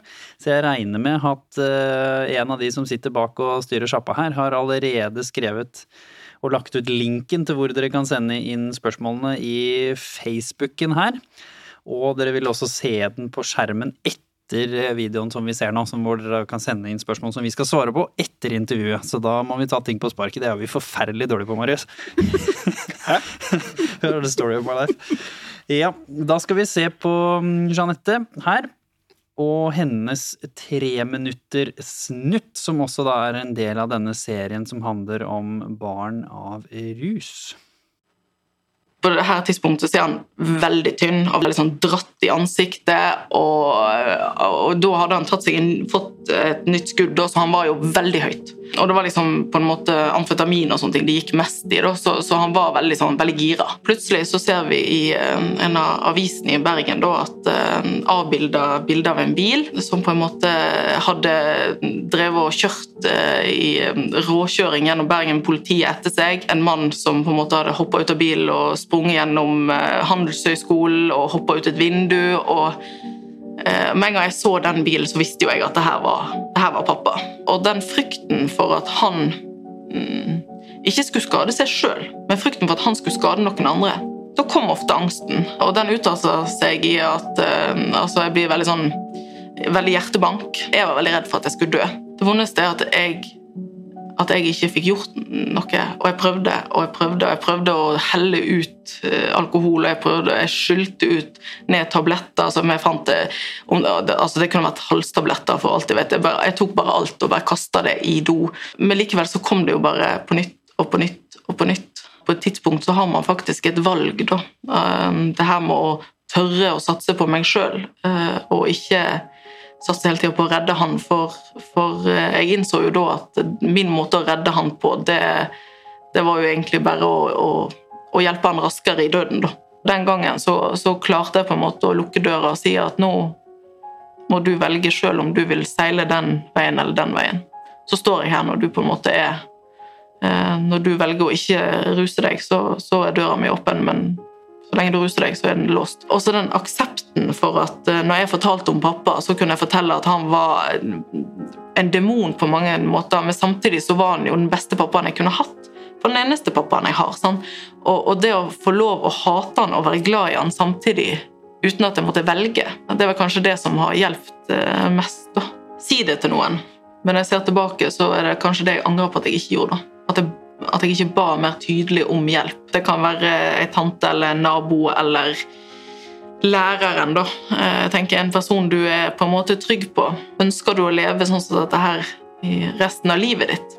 Eh, fordi at selv om man er barn, så blir man et voksent barn òg. Og det er noe med å tørre å slippe um, Slippe den historien man står i, da, og, og tørre å begynne å leve en, en, sin egen historie.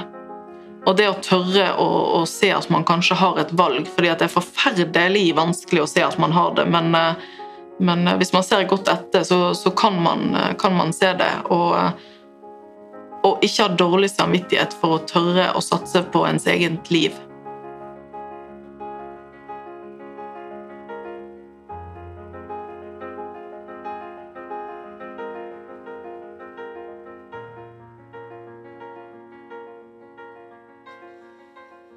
Ja, enda en fin snutt med kloke, kloke ord, rett og slett.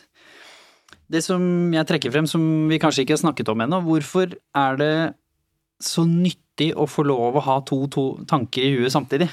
Fordi utenforstående i hvert fall føler jeg tenker at du må jo hate faren din eller mora di eller hvem nå enn som har gjort dette her. Og det kan da vel bare ha vært elendighet, på en måte. Og det er litt sånn som du sa i stad, at man må nesten bekrefte den historien, og da slutter de å gnåle om det, på en måte. Hvorfor er det så hjelpsomt å få lov å anerkjenne at, vet du hva, innimellom slaga her, og traumene, så var det også en fantastisk fin person som først og fremst hadde det veldig vanskelig, forstår man jo når man blir voksen, da, selvfølgelig. Det er jo så forskjellig fra person til person. Men man skal huske på at hvis man hater sine foreldre, så hater man en del av seg selv også. Man kommer fra foreldra sine. Så det er veldig vanskelig å hate dem uten å være litt usikker på hva sier de om seg selv også. Jeg tenker at det er en faktor. Men så er det andre at man har jo alltid en kompleks situasjon. Det er ikke sånn at alt bare er forferdelig. Alle barn har jo opplevd begge deler, både noe som er bra og noe som er dårlig. Og så har en tendens til at historien tar tak sånn at man prioriterer det ene. Man har behov for det i perioder. Men det betyr ikke at andre ikke er der. Og hvis man selv skal bli hel, så trenger man kanskje å huske begge deler. Absolutt, og nå regner jeg med at dere bare hører oss her, og at dere ser på skjermen hvor dere da kan sende inn spørsmål. Nei, nei, nei, nei, sier de her, men dere vet hvor dere skal sende inn spørsmål. Ja, sier de her. Ser du, det er, må lære seg fra sida, vi òg. Det er godt vi har flinke folk her. Mm. Men jeg husker jo jeg fortalte jo i stad at jeg kom til 27, så fortsatt bare på den skammen, og så skjedde liksom en stor ting i mitt liv, og det var at noen utfordra meg på å se tilbake på mitt eget liv og se på de store valgene jeg hadde tatt, og skulle gå da i dybden på hvorfor tok jeg de. Det var jo da jeg ble litt sånn mini-Yoda i mitt eget liv og fant ut den visdommen som jeg sa i stad. At jeg da hadde kanskje gjort alt for å få anerkjennelse og liksom nesten overprestert hele veien. fordi hvis ikke så var jeg null verdt i mine egne øyne. Og så ba jeg på dette flotte ordet da tilgivelse. Og så sa jeg aldri i verden. Det er min. Den er min den skal han aldri få. Ikke sant? I tro om at for det første at han brydde seg eller visste om det. At jeg ikke hadde tilgitt han i dette tilfellet. Jeg hadde jo ikke sett han siden jeg var 15 år. Og her var jeg 27 og sitter på andre sida av jorda i tillegg. Og den andre biten var at han fortjener det ikke. Så hvis jeg gir det til han, så anerkjenner jeg til meg selv og verden at det han gjorde, var greit. Det var liksom min sannhet eh, frem til da. Og så går det jo da selvfølgelig opp for meg dette lyset, da, når jeg går gjennom eh, og ser på mitt eget liv, at her er det en eh, mann, som tilfeldigvis er donor til min eh, personlighet, holdt jeg på å si, som da i tolv år har vært med å prege mitt liv uten å være der. Jeg har jo ikke sett den engang. Så jeg har latt traumene på en måte få lov å fortsette i tolv år etter at jeg sa tusen takk for konfirmasjonsgaven når han kom to dager for seint, som uh, story of my life på en måte det òg, fram til da. Og så sa jeg takk for meg. Og så skjønte jeg ah, tilgivelse er jo ikke for han, det er jo for meg, sånn at jeg faktisk kan komme meg videre og for all del fortsatt har lyst til å prestere, og jeg bærer på noen av eh, traumene og overlevelsesmekanismene her. Men jeg skal vite om det.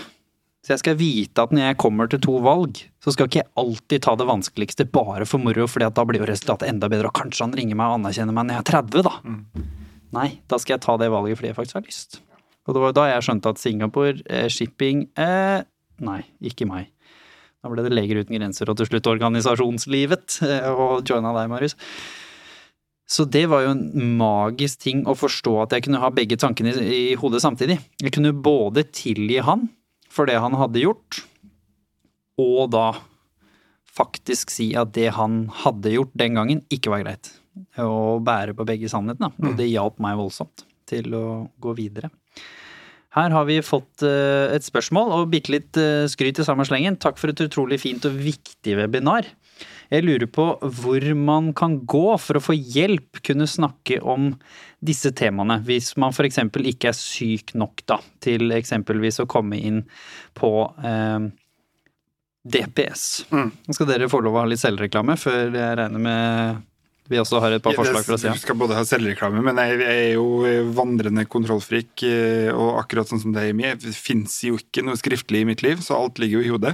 Eh, så jeg vil jo eh, Punkt én, du kan ta kontakt med barn av rusmisbrukere på barnarus.no. Der er det både en chat, men du kan også ta kontakt med oss som jobber der. Vi har et nettverk med nettverkssamlinger for å treffe andre unge voksne og voksne som har opplevd noe av det samme og, det er jo likepersonsbiten. Eh, så har du jo eh, Fastlege er alltid en fin ting å, starte med, men du har også rundt omkring i Norges land så har du pårørendesenter, som drives av litt ulike stiftelser. Eh, men det fins noe, i hvert fall i alle regionene, så vidt jeg husker. Kirkens Bymisjon har disse ulike A-sentrene som du var så vidt inne på, John, som har voksen-barn av-grupper. Det finnes også litt ulike ungdomsgrupper og barnegrupper rundt omkring i landet. og så har Blå Kors har Kors har Kompasset, mm. Eh, som er eh, et psykologtilbud, lavterskel psykologtilbud uten henvisning og uten betaling, så vidt jeg i hvert fall vet, for, spesielt for dem mellom 14 og 34 eller 35. Eh, så, ja, 35, for da kan ja, jeg fortsatt gå et år til. 35, jeg tror jeg. Mm. Mm. Så har du jo det som er utenfor det offentlige helsevesenet. Eh, sant? Alt mulig av gestaltterapeuter, coaching Terapeut tror jeg er ikke en beskytta tittel, så det, det finnes mange å velge mellom. I tillegg til privatpsykologer. Jeg går hos privatpsykolog, og jeg er veldig fornøyd med det.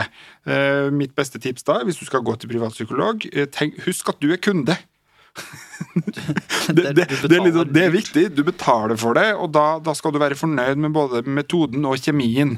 Og det er jo på en måte luksusen du da skal huske at du har hvis du betaler for det. Eh, da har du noen valgmuligheter. Husk at du kan bytte fastlege. Det har du ja. også krav og rett på. Du kan også bytte psykolog. Det er det mange som ikke vet, fordi det betyr ikke igjen du kan tilgi og samtidig. Mm. Psykologen kan være en flink fagperson uten at relasjonen med deg er god. Mm. Så det betyr ikke da at hvis du bytter, så kommer stakkars psykologen til å gå hjem og grine i en uke fram i tid. Snarere tvert imot. Da er de takknemlige for at du ikke kaster bort verken tiden dems eller deg selv. Ja, akkurat det.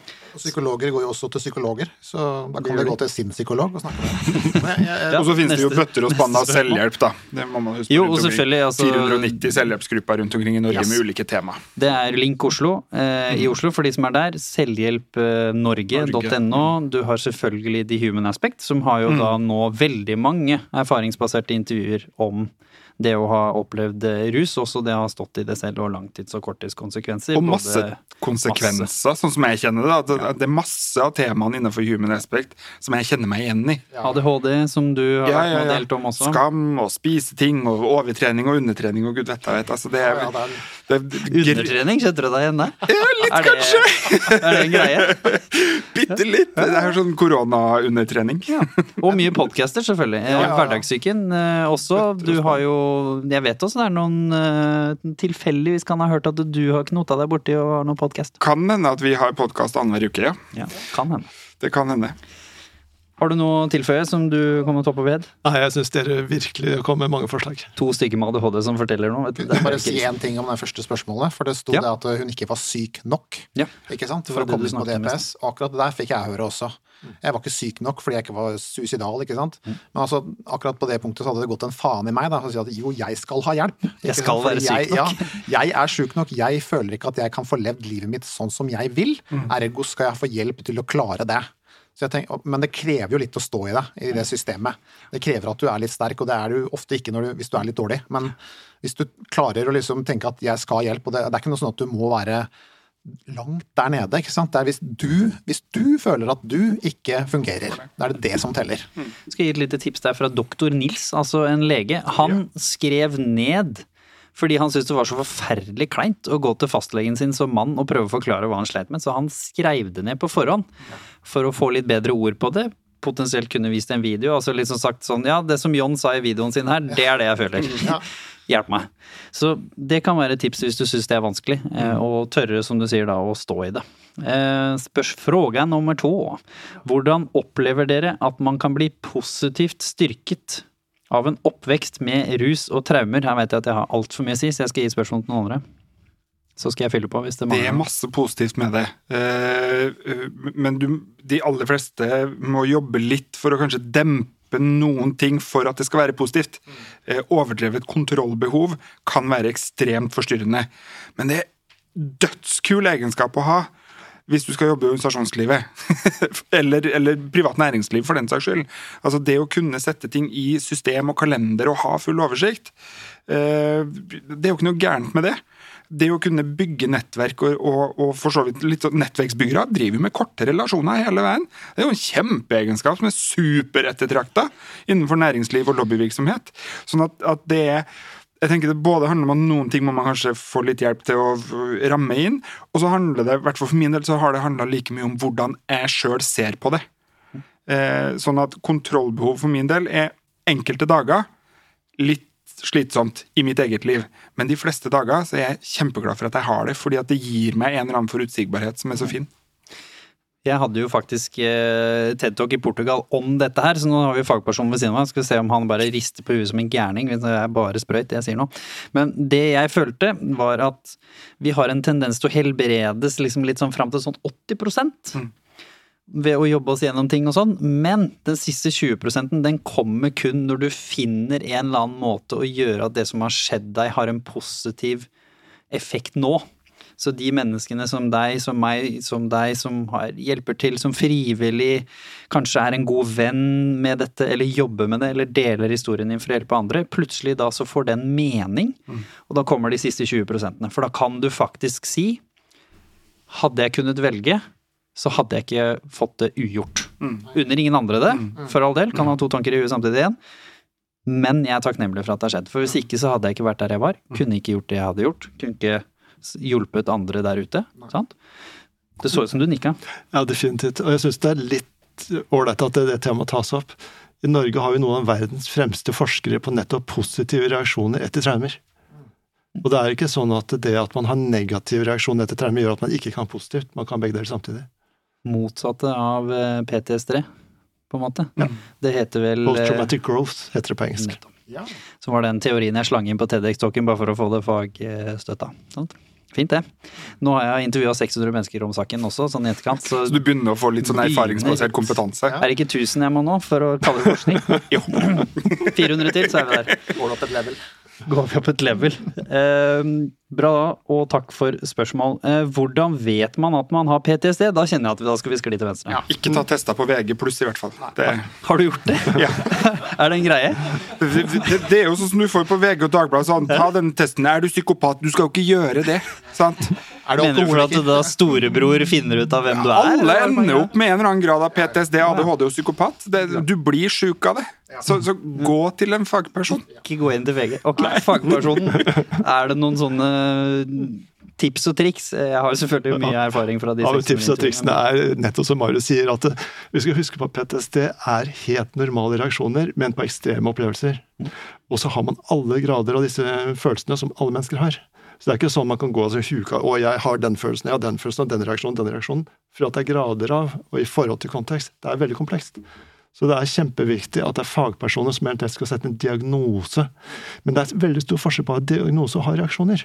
Og alle mennesker har reaksjoner av ulike typer. Og man trenger ikke ha en diagnose for å eh, trenger hjelp. Eller ha nytte av hjelp. Så jeg tenker at det viktigste er ikke om man har selve diagnosen. Poenget er har man så store problemer at man ikke har det ålreit. Man ønsker å ha det bedre. Det tenker jeg er det viktige.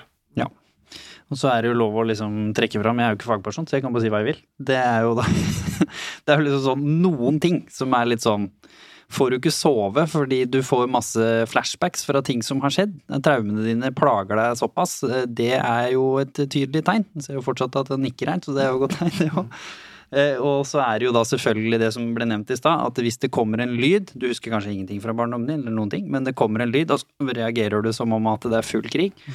Det kan Lyd, eh, være et tegn. Ikke sant? Mm. Og det, i hvert fall hvis du da har sånne typer plager, og vet du har opplevd et traume. Gå til fastlegen og se hva man kan gjøre med saken. Og så uansett om du får fire bokstaver eller ei, så får du i hvert fall potensielt litt hjelp. tenker jeg. Det kan være en god start. Forslag til mestringsstrategier mens man bor hjemme. Den var fin at vi fikk opp, fordi det er jo ikke alle her som eh, har vært så heldige og uheldige og flytta hjemmefra. Så tanker? Ja, altså jeg eh, Jeg på jeg skrev boka på mestringsstrategi, holdt jeg på å si. Men eh, altså jeg var såpass heldig at i min familie så vokste jeg opp med veldig mye interesser rundt ting. For eksempel eh, musikk, film, bøker, litteratur. Det ble diskutert politikk. Det var veldig mye ting. Så for meg, da, og fotball også i tillegg, ikke sant. Det var veldig mye sånne ting jeg kunne på en måte flykte litt inn i når jeg var der. Eh, Så for meg var det å fortape meg en bok. Jeg gikk jo på kino. Eh, Det var altså mitt fristed, å gå på kino. Jeg hørte på musikk. Eh, Gjennom musikk fikk jeg på en måte anerkjent følelsene mine. Jeg kunne høre på sint musikk når jeg var sinna, jeg kunne høre på trist musikk hvis jeg var lei meg. Jeg brukte det litt sånn Jeg ser jo etterpå at jeg brukte det ganske riktig, men jeg ante ikke hva jeg drev med når jeg holdt på, for det var liksom sånn. Jeg snakker jo også ofte med ungdom som spør om akkurat det der, der, og da er det jo liksom det Man kan gå turer, ikke sant, i skogen, lufte huet. Eh, hjemme hos meg, jeg har en gutt på 16, tenåring, typisk tenåring. Vi kan gå og skrike litt i skogen. da. Hvis han er veldig sinna eller noe, sånt, så, så sier vi vet du hva, nå tar vi en tur ut i skogen. Da- Da skriker vi litt. Skriker vi til et tre eller skikkelig. Og det gjør vi, og det, det føles så godt, det. Eh, eh, Sånn at det er jo veldig mange ting man kan gjøre. da. Så er det jo standard snakk om det, snakk om det, snakk om det. da, ikke sant? Men det er jo ikke alltid så lett å gjøre. eh, Å finne noe man kan snakke om med. Men det er veldig mange mennesker man møter på sin vei, og det behøver ikke være en psykolog, det behøver ikke være en lege. Det kan være liksom Kanskje du treffer naboen som tilfeldigvis bare ser deg, da, og som sier at jeg ser at du ikke har det så godt. Liksom. Kanskje det er en person man kunne ha snakka med. da, liksom, lærer og trener, som det ja, veldig ofte ja, er. ja. Ikke sant? Man treffer jo mennesker hele tida, og liksom ta den sjansen på å liksom åpne opp litt, og så se hvordan det blir tatt imot. Det er ikke sånn at du må fortelle hele livshistoria di, men du kan åpne opp litt, og så ta det derfra. Noe å fylle, fylle på med? Ja, veldig gjerne. Det er altså to ting jeg vil si. Det ene er at man må huske på at det faktisk går bra med de fleste. Det er ikke sånn at eh, hvis man bor hjemme med en som eh, misbruker rus og gjør masse forferdelige ting, så betyr det ikke at sitt eget liv blir ødelagt. Det går bra med de fleste. Og så vil jeg gjenta det som mange av dere har sagt, hvor Martine begynte med. Det å finne noen hvor man føler seg trygg sammen og som man kan begynne å snakke med. Om det er en eh, kjæreste, eller om det er læreren din, eller hva nå enn det er. Det å ikke gå aleine. Pass på at du har noen å dele med. Vi er helt grunnleggende sosiale vesener. Er helt avhengig av noen å være sammen med.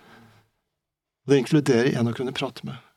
Jeg tenker jo det, Men spørsmålet i seg sjøl er jo steg Altså første steget for å faktisk mestre eh, egne behov. Det, det å faktisk starte der Hva trenger jeg? Ik ikke hva trenger mamma og pappa, eller hva trenger den som ruser seg, for det, er- det er vi opptatt av. Vi snakket jo Jeanette om i videoen sin her. Jeg måtte så- begynne å tenke på meg. Ja, og det er akkurat det. Ja, hva trenger jeg? Jeg må ha noe for å mestre. Eh, Så, så det å være nysgjerrig på det, det å, å tørre som barn, som ungdom, men også som voksen, tror jeg, og, og tørre å være såkalt egoistisk, se seg sjøl litt i speilet. Liksom, hva, hva er det som gir meg litt et frirom eller litt glede? Om det er Netflix, eller om det er gaming, eller om det er gå tur eller trene, eller, eller altså hva som helst. Og det å da være nysgjerrig på det for din egen del. Snakk med venner, snakk med kollegaer, snakk med andre. Eh, hva pleier du å gjøre når du er ekstra sliten eller det er mye kaos i hodet? Eh, Lag det der førstehjelpsskrinet eh, som, som er ditt, som handler om dine følelser. Følelser er jo ofte energi. Jeg skal ta selvfølgelig aktivitetskortet, eh, siden jeg skal, skal bære den også. Jeg, som du sa, litt sånn underbevisst, brukte trening mm. og som et utløp. Både for å få sove og bare for å få stoppa kaoset i huet, men også sånn generelt fysisk, bare for å liksom få energien ut. Jeg var jo kjent for å være et troll på idrettsbanen i form av altså det, det var mye energi, da, så jeg var jo en veldig stillferdig person utafor. Og så var jeg jo beinhard på idrettsbanen, så jeg tror det var mye frustrasjon som kom ut der. Og så vet jeg at veldig mange får mye positivt ut av kampsport. Eh, Jeg også boksa og drev med en del sånne ting på den tida her. Bare det å ha en sunn ramme å få det ut på, kan hindre at du sklir inn i vold og blir utsatt til å bli fanget opp av voldsmiljøer og sånne ting som også kan skje med mange som, som går og er litt utafor og utsatt. Så hvis du er ung der, ja, og pass på det. Og da kan det være veldig fint å være på kampsport. Fantastisk trening, så du blir jo stjerneform. eh, Og også at man selvfølgelig da får ut frustrasjon. Hvordan har forholdet deres vært til rus etter å ha hatt foreldre som misbrukte det? Hvordan opptrer ungdomskultur med rus? Jeg har jo allerede fortalt at hadde jo et eh, anstrengt forhold til det fra min side, og har jo valgt eh, personlig å ikke drikke. Jeg har ikke drukket alkohol, og klart meg fint med det. Eh, og har jo opplevd ungdomskultur med rus som svært problematisk, og egentlig et bevis på hvordan samfunnet er. Fordi innerst inne så tror jeg ikke at ungdom har så fryktelig lyst til å Voksne for den saks skyld, lyst til å ruse seg. Det handler jo om at man har et eller annet problem som man vil løse. Om det er om du er for introvert så du føler at du må drikke fire øl før du klarer å snakke med et menneske. Eller om det er du har så problematiske følelser inni huet at du orker ikke å deale med de. Så du skal i hvert fall få tre timer pause da, fra kaoset inni skallen. Det er jo gjerne der det ligger, tenker jeg. Og i dag hvor vi på en måte kanskje har vært litt ivrig med å liberalisere alt mellom himmel og jord, og bare fortsette å bruke verdens dårligste argument, som er at jo, jo, men eh, vodka er jo lovlig, så da er jo alt annet uh, burde være lovlig også, for det er jo mye mer farlig, ifølge forskningen. Det er bare sånn, ja, helt sikkert, men hvis vodka hadde dukket opp i dag, så hadde det jo 100% sikkert ikke vært lov. Så det er det dummeste argumentet jeg har hørt i mitt liv. Så la oss bare gjøre alkohol billigere og sette ned måte, momsen på sukker, tenker jeg. ikke sant? Det er sånn eh, politikken som ble ført nå da, i korona, hvor det aldri har vært eh, mer solgt på Vinmonopolet. Så Alt funker der. der fikk jeg min eh, rant. Men så jeg syns det er litt synd, fordi her tror jeg det handler om at hadde vi lært ungdom å håndtere følelser og mer om følelser, så tror jeg at eh, rusbruken hadde gått dramatisk ned. Ja. Hadde jeg visst hvordan jeg skulle håndtere følelsene mine, så hadde ikke jeg sittet og planlagt selvmordet mitt når jeg var 13 år. Det er jeg 100% sikker på. Og så må vi anerkjenne at rus har, har en effekt. Altså det, det, det har sin eh, si, medisinske effekt. Altså det, det, jeg begynte med rus kjempetidlig. Jeg tror jeg var 11 og et halvt eller noe sånt når jeg første gang stjal fra dunken til bestefar på hytta. Lenge leve Trøndelag, på en måte. Eh, Men, men det var jo også da jeg oppdaga at jeg kunne drikke mer og lengre over flere dager enn de aller fleste andre. Eh, Det kan jeg jo heldigvis ikke nå lenger. Det er jo Innrømmer du at du begynner å bli gammel? Eh, jeg har nesten slutta å drikke, for det er så vondt i mange dager etterpå. Eh, jeg har aldri prøvd illegale ting, men jeg oppdaga også ganske tidlig eh, sterke tabletter. Så det er noe som jeg nok alltid må være oppmerksom på. Fordi at det er en type rus som er Den funker med kroppen min. Eh, sånn at alkohol det har jeg liksom aldri hatt sånn stort trøbbel med. Jeg har stort sett blitt dårlig. Eh, men, men akkurat piller og tabletter, som da var lett tilgjengelig for min del i ungdomsårene, det er en sånn som jeg veit fortsatt i dag at det må jeg, må ha et bevisst forhold til det. da. Og det, det er vel i hvert fall det jeg pleier å si ofte internt hos, hos oss, og når ungdom spør og sånne ting, at jo, men du må anerkjenne at det har en effekt. Sant? Hva er det som gjør at du har lyst til å ruse deg mer? Og da kommer det jo nettopp dette med jo, men da, det tar toppen av følelsene, det føles bedre, alle de tingene. Sånn at, at forebygging overfor risikoutsatt ungdom må i mye større grad handle om ja, men hvorfor bruker man rusmidler? Jo, det er nettopp for å få det bedre. Og hvis du skal ta bort da muligheten til å bruke rusmidler, så, så må du gi noe annet. Eh, åpenhet, hjelp, støtte til hver og en ut fra det behovet. Litt sånn som Oslo som skrudde opp kollektivtrafikkprisen samtidig som gjorde det umulig å kjøre bil i Oslo. Veldig merkelig. Det funker jo ikke. Ikke? Men også ta med at eh, liksom, jeg sitter jo ikke her som noe hater av rus heller, til å ta seg to øl til en fotballkamp. Altså igjen, hvis det har en, en effekt og er under en form for kontroll, så har jo verken jeg noe mot det eller samfunnet generelt, tror jeg. Men det er gjerne den blandingen, da. At man i hvert fall ikke ender opp med å drikke fordi man ikke har det bra. Mm. For da er det på en måte feil grunn. Drikker du vin fordi du syns maten smaker hakket bedre med det glasset vin? Altså, Det å ruse bort følelser er jo ikke en bra greie, tenker jeg. Det er litt sånn hovedregelen. Det kan vel du bekrefte. At, altså, fordi det funker short term. Det er viktig å anerkjenne det òg. Short term så funker det jo å ruse seg i form av at nå føler jeg ingenting. Men long term så har jo dette en tendens til at eh, ja, men dagen etterpå så var det jo enda verre angst enn det jeg hadde på lørdag. Ja, og det er spesielt det at uh, alkohol har noen konsekvenser som vi ikke snakket om. F.eks. det øker risikoen for at du utøver vold. Veldig mye av volden i samfunnet er jo faktisk relatert til at det, det er alkohol. Men så er det også å huske på at Dere sier noe om funksjonen for alkohol, men det dere ikke har snakket om, er det sosiale. Eh, 90% av Norges befolkning, mer enn 90% av Norges befolkning drikker. Og det synes det var et godt spørsmål. Det sto om ungdomskultur, men det er ikke bare ungdomskultur, det er voksenkultur også. Jeg er på er konferanser hvor det snakker om alkoholens skadelige virkninger. Og så går vi til middag etterpå, og så er det vanskelig å få et eh, alkoholfritt eh, alternativ. Ja. Um, så jeg tenker at det, det er utrolig vanskelig å stå opp imot samfunnets normer. Og det er samfunnets normer at vi drikker alkohol. Men så skal vi huske på at det, det var faktisk samfunnets normer at på fest så skulle man røyke. Det er ikke så mange tiårene siden. Kom det én lov, én helseminister, som turte å gå igjennom.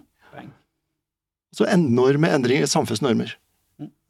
Det er spennende å se hva vi får til framtiden. Så er det van- ja, absolutt spennende å se hva vi får til i framtiden. Nå ser det jo ut som det sklir andre veien, dessverre, fra mitt eh, politiske engasjement i hvert fall. Men for meg så turte jeg i hvert fall å stå i det. Gudene veit hvor jeg fant styrken til det. Det var Grisestad igjen, og at jeg skulle bevise at jeg fikk det til, tror jeg.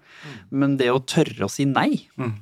Og da finne en unnskyldning som funka, da, som jeg sa i stad. Når jeg sa at eh, nei, jeg drikker ikke alkohol fordi pappa var alkoholmisbruker, ferdig snakka.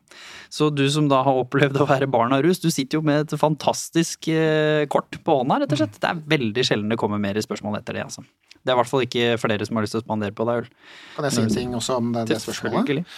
Fordi jeg hadde et problematisk forhold til rus jeg, i ungdomstida mi. Uh, uh, igjen så var det der at folk rundt meg sa til meg at uh, men du må jo ha et fint alkohol, du må jo ha et godt forhold til alkohol, for du er ikke faren din, så du må vise at du kan liksom beherske denne, dette rusmiddelet som er for alles rusmidler. Så tenkte jeg ja, jeg må vel det, da. Og når jeg tenker etter nå, så har jeg egentlig aldri likt alkoholrusen spesielt godt. Jeg har egentlig aldri likt det, eh, men jeg, jeg var med på det for det er det som er forventa av deg overalt, da, ikke sant. Men jeg, også, jeg eksperimenterte jo også med ulovlige rusmidler. Jeg var nok i en faresone i, i 20-åra mine. Og det var kun fordi at jeg ikke hadde noe godt. Hvis jeg skal være helt ærlig nå. Jeg hadde det ikke noe bra inni meg. Eh, jeg røyka hasj da, det var liksom min, det jeg valgte. Det syns jeg funka best for meg. For da sløva det ned alt, og da liksom var jeg helt sånn lugn. Da kunne jeg le, og jeg kunne alt det der.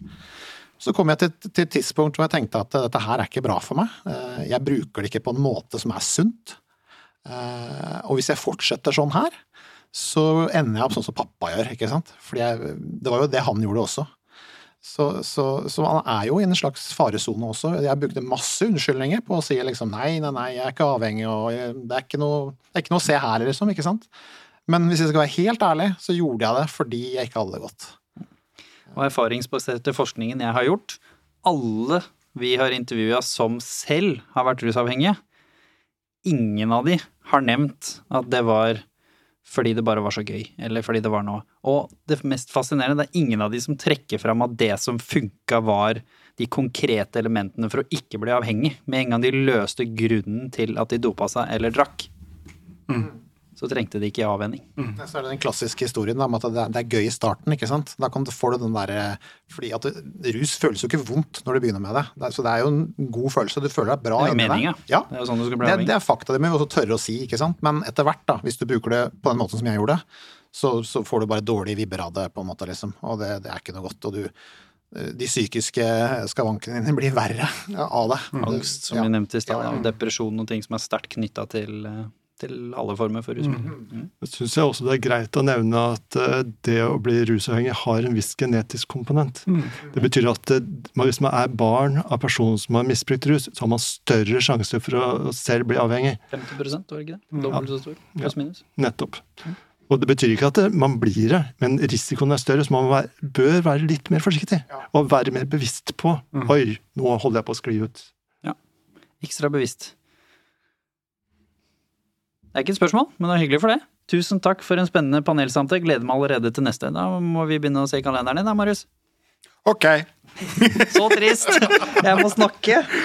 Når? Jeg har kalenderen i hodet. Det går fint, dette. Det har jeg jo for så vidt. Tusen hjertelig takk for at uh, alle sammen kom. Dere skal få lov til å avslutte med en litt sånn en siste refleksjon. Hvis dere liksom til de der ute nå da skal Som sitter og kjenner på det.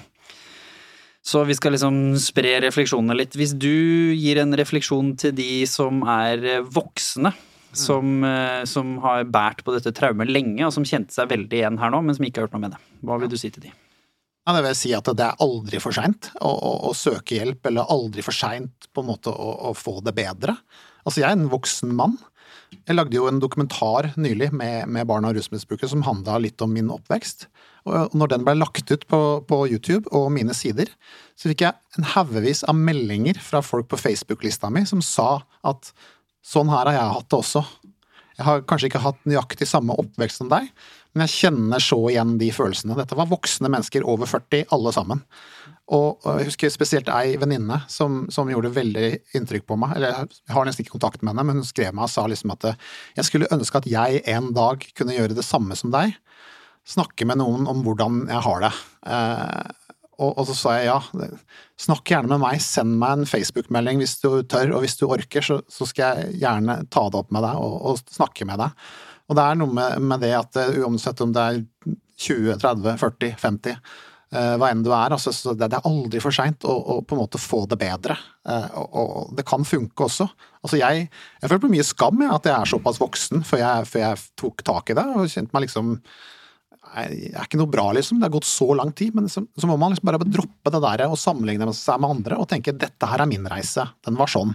Og prøve å ta vekk det støyet rundt. Og så bare tenke at uh, jeg fortjener å ha det godt. Og det gjør alle, uansett hvilken alder det er. Du fortjener å ha det godt. Og det fins så mange gode mennesker der ute du kan snakke med. Er, uh, hvis du først, først begynner å finne dem, så stopper det aldri. Hvis du står midt i det, La aldri noen fortelle deg at det du gjør, er feil. For det å ta vare på familien sin, enten det handler om å lage mat, rydde etter maten, vaske gulvet, eh, ordne sånn at småsøsken kommer seg på skolen og barnehagen, ordne sånn at lysene er slukka når mamma og pappa har sovna før deg, det blir aldri feil.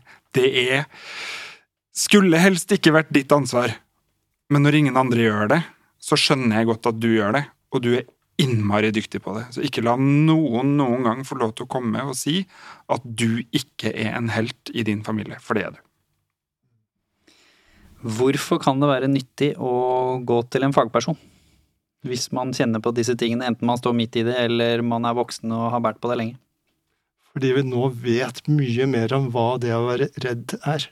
Vi vet mye mer hva det betyr å ha gjennomgått traumer, og vi vet mye mer nå om hvordan hjelpe. Så vi kan hjelpe de fleste. Og for å få til det, da, så må man jo faktisk da tørre å åpne seg. Så da skal vi på en måte avslutte med det mantraet som har gått gjennom hele livesendingen her, og det er det å faktisk tørre å si det i hvert fall til noen. Og der starter jo gjerne steget der. Si det til noen. For da speiler du deg selv, da kan du både justere din egen opplevelse av det, og forhåpentligvis da få noen inntrykk av noen andre som kan være litt sånn for eksempel som når du tok med noen hjem til faren din, det var litt sånn oi, sånn skal det kanskje ikke være. Ikke sant, for man har nok vent seg til ting også, i tro om at jo, men det er vel kanskje sånn overalt. Og det er jo ikke alltid sånn der. Så tør å være sårbar, kanskje spesielt eh, hvis du er mann, men vi lever jo også i en verden hvor eh, hvor kvinner skal være helter og få til en million eh, ting mer enn oss menn. Vi er jo bare ubrukelige, så kvinner på en måte skal jo få til absolutt alt. Så jeg tror faktisk at vi nesten må slutte å si det, for jeg tror det er like stort press på at kvinner ikke skal vise at de er svake, som det er for menn faktisk i vårt samfunn. Så jeg tror nesten vi må slutte å si de greiene der. Så alle der ute tør å være sårbar, fordi det er faktisk en styrke. Alle mennesker. Alle mennesker. Tusen hjertelig takk til dere som så på. Jeg vet ikke hvor vi er. Borti der, tror jeg. Der. Og takk for at dere sendte inn spørsmål, og at dere engasjerer dere. Vær nå snill og del dette her nå også, for du vet aldri hvem i din krets som har lyst til å se på dette her. Martine sitt intervju, som du så en liten snutt på i stad, det har nå kommet ut, så du kan også være med og dele det, selvfølgelig. Tusen hjertelig takk, og ha en fin kveld videre.